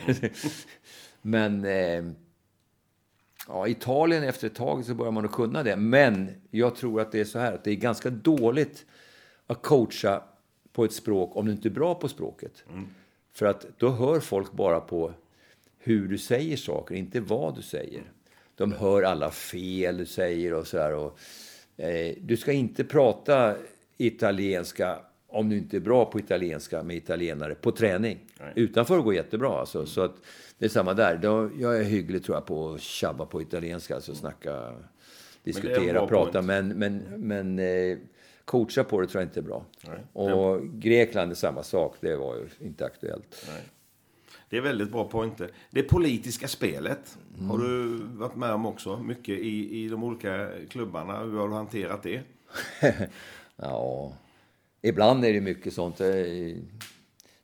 Jag berättade just en gång här, när jag var i, i Grekland. Och vi, helt otippade till och med så vann vi då med Iraklis från Thessaloniki. Mm. Och vi vann i Aten mot Panathinaikos då. Och, ja, halva styrelsen satt på ena sidan i planet och vägrade prata med den andra halvan av styrelsen. Och det, det, det var två separata fester dessutom, hörde jag. Till, ja, jag var på en och de flesta i laget var där, men jag tror att några i laget var på det andra stället. Mm -hmm. För att några var in, inköpta eller på något vis av några i styrelsen och det hade varit mycket turbulens där. Så att inte ens hela styrelsen kunde stötta laget när man vann. Alltså några ville inte ens att vi skulle vinna. För att? Nej, det var inte deras spelare som spelade riktigt. Nej, de hade köpt in spelare till laget som ja, inte hade eller, ja, alltså Det var väldigt konstigt det där. Alltså det, det fanns spelare som försökte underminera det hela lite grann också. Men vi vann ändå. Det var, alltså det var en helt absurd situation. Jag, vet, jag fick säga åt passa, passa inte den här killen för jag vet inte om han vill slå ner bollen. Nej. Alltså det, var, det, det är det värsta exemplet jag kommer på. Ja. Men annars har det inte varit ja, så sådär jättestora slitningar. Man vet att de vill lite olika. Ibland finns det ju så presidenter som det finns i, i europeisk eh, klubblags eh, mm. idrott ganska mycket. Alltså de här rika som kanske betalar väldigt mycket för eller hela laget eller halva laget eller den här jättedyra spelaren. De går in själva och betalar. Och, och sen kommer de och tror att de kan komma in till omklädningsrummet och hålla något brandtal och säga att, eller, eller vara förbannade för att man inte vinner eller hota med att man ska, måste vinna eller mm. vad det nu kan vara. Och så här kommer in och försöker muta folk med pengar för att om ni vinner får ni det här. Inte muta alltså, utan mm. någon bonus och så där. Alltså de där vill man ju inte helst ha där. Nej. Så då får man försöka på ett försiktigt sätt och säga att det är bättre om vi tar det där lite någon annan gång. Men där har du lärt dig att tackla det med ro kan man säga. Ja, jag försöker, men det beror på vilken situation. Om, om, de, om de är de här karismatiska typerna som man vet innan att man bara ställer till bråk om man skulle säga att du får inte komma in i omklädningsrummet. Mm. Så kan man inte göra det på en gång. Alltså, det, man måste ju veta vilka strider man ska, man ska ta. Mm. Man ska inte ta någonting som, som är omöjligt att vinna. Han kommer gå dit ändå och bara bli förbannad på mig och jag får mm. sparken nästa dag ungefär. Men alltså, jag skulle ju jag har inte varit den som kryper för folk om man säger så. Nej. Du, på tal om det här med, med folk. Eh, lagkaptener. Mm. Eh, har du något exempel på någon lagkapten som du har jobbat väldigt bra tillsammans med? Och har, hur har det samarbetet fungerat? Alltså man har olika lagkaptener och lite grann beroende också på vilka funktioner de har i laget. Mm. Eh, alltså med Janne Hedengård i svenska landslaget, då var det mycket att prata med honom om hur vi skulle spela, så han hade koll på allt det. Och i mm. början i början i landslaget då, då var ju, då var ju regeln att coachen var ju tvungen att sitta på bänken. Mm. Men nu efter, under resans gång med landslaget, då blev det ju tillåtet att coacha från, alltså man kunde stå upp och coacha och skrika om hur mycket man ville, men annars skulle man ju sitta ner och hålla tyst och prata i timeouter. Mm. Så det har ju ändrat sig väldigt mm. mycket. Men Janne Hedengård var en, var en taktiker. Som ja, han förstod ju taktiken. Som honom kunde man prata med om det. Men han kan ju bara styra anfallsspelet igen. Han kan inte styra allt det andra. Nej. Eller det vill man inte. Alltså, han måste ju koncentrera på sig. Han kan inte springa omkring och tala om vad alla ska vara i block Nej. och försvar och sånt där. Va? Men om man Så tänker man ju... i, i, verksamheten i stort. Ja. En lagkapten som styr omklädningsrummet ja. åt dig. Som, alltså den typen av det beror kapten. På, det beror på vem, vem man har. Mm. Som jag hade en väldigt Alltså som var stark lagkapten i klubben, alltså som var en institution nästan i klubben redan när jag kom dit. Och då var han ändå ung. Som, som, han var passare i mitt lag, spelfördelare i mitt lag alla år där nere. Han I vilken klubb? I Marseille, i okay. Nolico. Mm. I 13 år var han, I Belgien. var han första passare i laget. Fast mm. de köpte dit andra passare som skulle vara bättre. Men han, nej, han manövrerade ut dem. Alltså, han var bättre. Och du gillar att samarbeta med honom? Ja, så, och han hade ju väldigt mycket åsikter. Det är så här superintelligent kille. Som, han tränar numera Polens landslag som var mm. världsmästare förra året. Mm. Och så då måste man förstå att han kommer att ha jättestor impact. Han kommer att ha stor påverkan på den här på gruppen och på, till och med på, på kanske på hela klubben, på presidenten och någon annan. Mm. Honom måste jag ju vinna för det vi ska göra. Så honom måste man ju prata med och göra saker tillsammans. Och honom kunna be och gå och göra saker som kunde vara som inte hade med spelet att göra utan snacka med den här killen. Jag tror att det, mm. alltså, i och med att han var spelare och kanske var närmare än vad jag var till en spelare några gånger så kunde han då prata. Då kunde jag ju veta att han har ju så stor genomslagskraft så han ska gå och prata med den där. Eller han kan prata med presidenten eller han kan gå och prata med den där. Beroende på vad man, vad, vad man vill ha gjort liksom på plan. Det, det är, det, det är så exempel. olika. Mm. Har du något från Japan? Ja, i Japan var vi utan, vi spelade utan lagkapten, på att säga. Nej, vi hade en som var som, som var lagkapten, som var icke-japan som många sa. Mm. Men han var libero och sådana får per definition inte ha liksom, lagkaptensbindeln som det heter i fotboll eller strecket under siffran som det är inom inomhusidrotterna på. Han, då får man inte ha det om man är libero. För då, libero är den här killen som spelar bara försvar, springer in och ut mm. Mm. Eh, utan, att, utan att man begär spelarbyte. Han får mm. byta hur han vill där bak kan vi säga, roughly. Och de får inte vara lagkaptener så. Men han var ju den verkliga lagkaptenen, så han, han står som lagkapten och var den som skulle prata med folk och sådär. Eller med spelarna om det var någonting. Eller kunde framföra spelarnas önskemål, lite sånt där. Men alltså, jag var inte alltid säker på att han vill... För, eller han ville nog samma som jag ville, men jag vet inte om han alltid förstod hela, hela biten. Nej. Och så då får man portionera ut så mycket som... Mm. Alltså ibland kan man ha jättehjälp av en lagkapten. Mm. Och sen måste man, tror jag, är viktigt att man bedömer vad han kan. Att man inte bara säger nu byter man lagkapten och så tror att den nästa gubbe gör precis samma jobb som en annan gör. Nej. Det är ju samma som fotbollslandslaget som är här och spelar i dagarna. Alltså, Marcus Berg kommer inte göra samma jobb som, som Granqvist gör i ett lag. Så att det, det är ju och de har samma funktion då officiellt. Ja. Men det är, ju, alltså det är väldigt olika vad du kan begära av, av en, av en lagkapten. Mm. Ibland kan det vara bra, ibland så har du bara en som är lagkapten och inga annat. Och ibland har du en som kör taktiska grejer. En annan så har du en som kör vad ska vi kalla det, omklädningsrummet och mm. runt om. Och så har du en tredje som är jättebra med fansen. Så det finns allt möjligt. Olika funktioner. Ja. Du, vi, vi, är snart på väg på, på upphällningen här. Jag tänker på här i volleyboll utifrån det här med eh, pedagogiken, att jobba med spelet. Hur mycket i en volleybollmatch är struktur från coach och hur mycket är kreativitet från spelarnas egen beslutsfattning och hjärna? 100% coach. 100% coach? Ja. Det är så ja. Nej, och, alltså det... Jag, du säger det med ett jag, smile kan jag, man säga nu då för de som inte ser dig. Jag vill provocera dig lite eftersom ja. jag antar att det är ganska mycket fotbollsfolk som lyssnar på det här. Så för att man ska få rätt uppfattning om det här, för att nu inte försöka inte göra det till en volleybollklinik. Mm. Men, ja, du styr jätte, jättemycket av det här spelet. Det är uppgjort i förhand. Det är inte så att du står och drar i trådarna på sidan på varje boll, det är det inte. Men det, det, är uppgjort på förhand. Mm. Men däremot så finns det en, en kreativ sida, eller en bit av det, mm. där spelaren måste, du måste skapa verktygen för den här spelaren så att han har de här tre, fyra olika verktygen att jobba med, mm. beroende på vad han nu är. Mm. Passaren måste ha väldigt många mm. verktyg i sin låda. Och bedöma hur läget är på bollen och var han har sina spelare och vem finns på andra sidan nätet.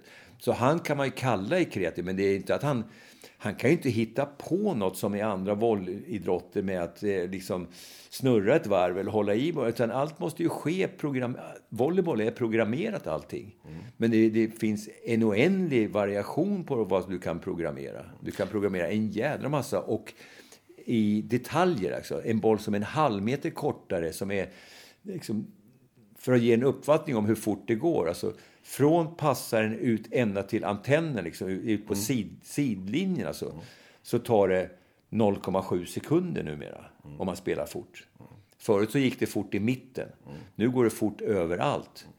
Och, så, och du kan ju tänka på hur långt du hinner på 0,7 sekunder. Alltså, då måste allting vara förprogrammerat. Mm. Du måste veta exakt vilken fot som ska vara i golvet när passaren nuddar bollen. Mm. Har du fel fot i golvet kommer du aldrig kunna tajma den här bollen. Det finns inte en chans. Nej. Eh, bra Anders, tiden går här. En mm. sista fråga ska du få här. Oj. Du beskrivs ju som en väldigt stor innovatör inom volleybollen. Du ska få ge ett exempel på någon grej där du har kommit på att det här, så här ska vi göra. Det här kommer bli bra. Kan du ge oss något sånt exempel? Ja, jag har ju massor, men alltså det är svårbeskrivet i radio om man bara pratar till fotbollsspelare. Ja. och, och kan, vi hålla oss runt, kan vi hålla oss runt ledarskap, tror du? Eller måste vi komma in på volleybolltaktik? Eller ta, eh, teknik? Ja, alltså det, det, innovativa som jag har väl gjort, det är väl um, sättet att spela på och hitta lösningar som ingen annan har gjort spela på ett annat sätt. Det är samma som det jag håller på med nu på ett hörn, när beachvolleybollkillarna som är olympiska mästare för ungdomar i, i, i vinterlandet Sverige. Mm. Alltså de spelar som ingen annan gör. Mm. Det finns ingen likhet med vad andra spelar. Mm. Sen, alltså, innovatör, det är bara att man är... Jag var först med att man tränar styrketräning i volleyboll i princip i västvärlden i alla fall tror jag. Mm och varför man ska lyfta de här tunga vikterna och allt det här. Men det handlar ju bara om kunskap, man, man lägger ihop de här brickorna. Pass. Jaha, om du ska hoppa högt är det jäkligt bra om du har starka lårmuskler. Hur får man det? Ja, då lyfter man tyngder. Då ska man liksom köra djupa benböjningar och inte stå och hatta med 90 grader och sånt där som folk gör helt i onödan, det inte händer någonting. Mm. Men hur man spelar och att man kan använda massa utvägar så här, det, det tror jag har varit helt nytt. Men Alltså det, var, det är väldigt spännande om man är volleybollare och mm. om man talar om de här grejerna som vi hittar på att göra. Mm. Så att... Eh, ja, alltså det vet jag inte om det är något annat sätt eh, som är så innovativt som inte har med själva spelet att göra. Det vet jag inte. Men det är väl ett bra exempel det. Du, Anders, det har varit en ära och otroligt lärorikt och intressant. Och inte minst har man fått sig en hel del saker att fundera på utifrån din berättelse om olika delar i ditt eh, volleybollliv. Eh, stort tack för att du ville vara med i Coach Meet Coach. Ja, det var bara trevligt. Det blir ju som alltid lite rudimentärt eh, när man ska berätta om, om allt det här. Ja, men det har varit men, kanon. Eh, det är ju trevligt att nå ut till eh, de här som kör med den stora sporten i Sverige och ja. försöka förklara att det är, om det inte är lika stor så nästintill ut i världen. Men det förstår man inte i Sverige. Det har jag misslyckats med fullständigt. Ja, ja du har lyckats med mycket annat. Stort tack och ha det bra. Ja, tack detsamma. detsamma. Ciao. Ciao.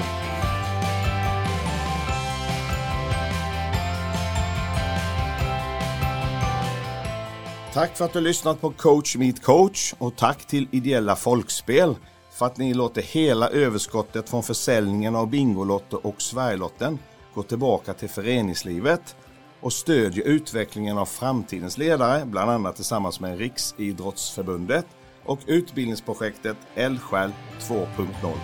Ha det bra!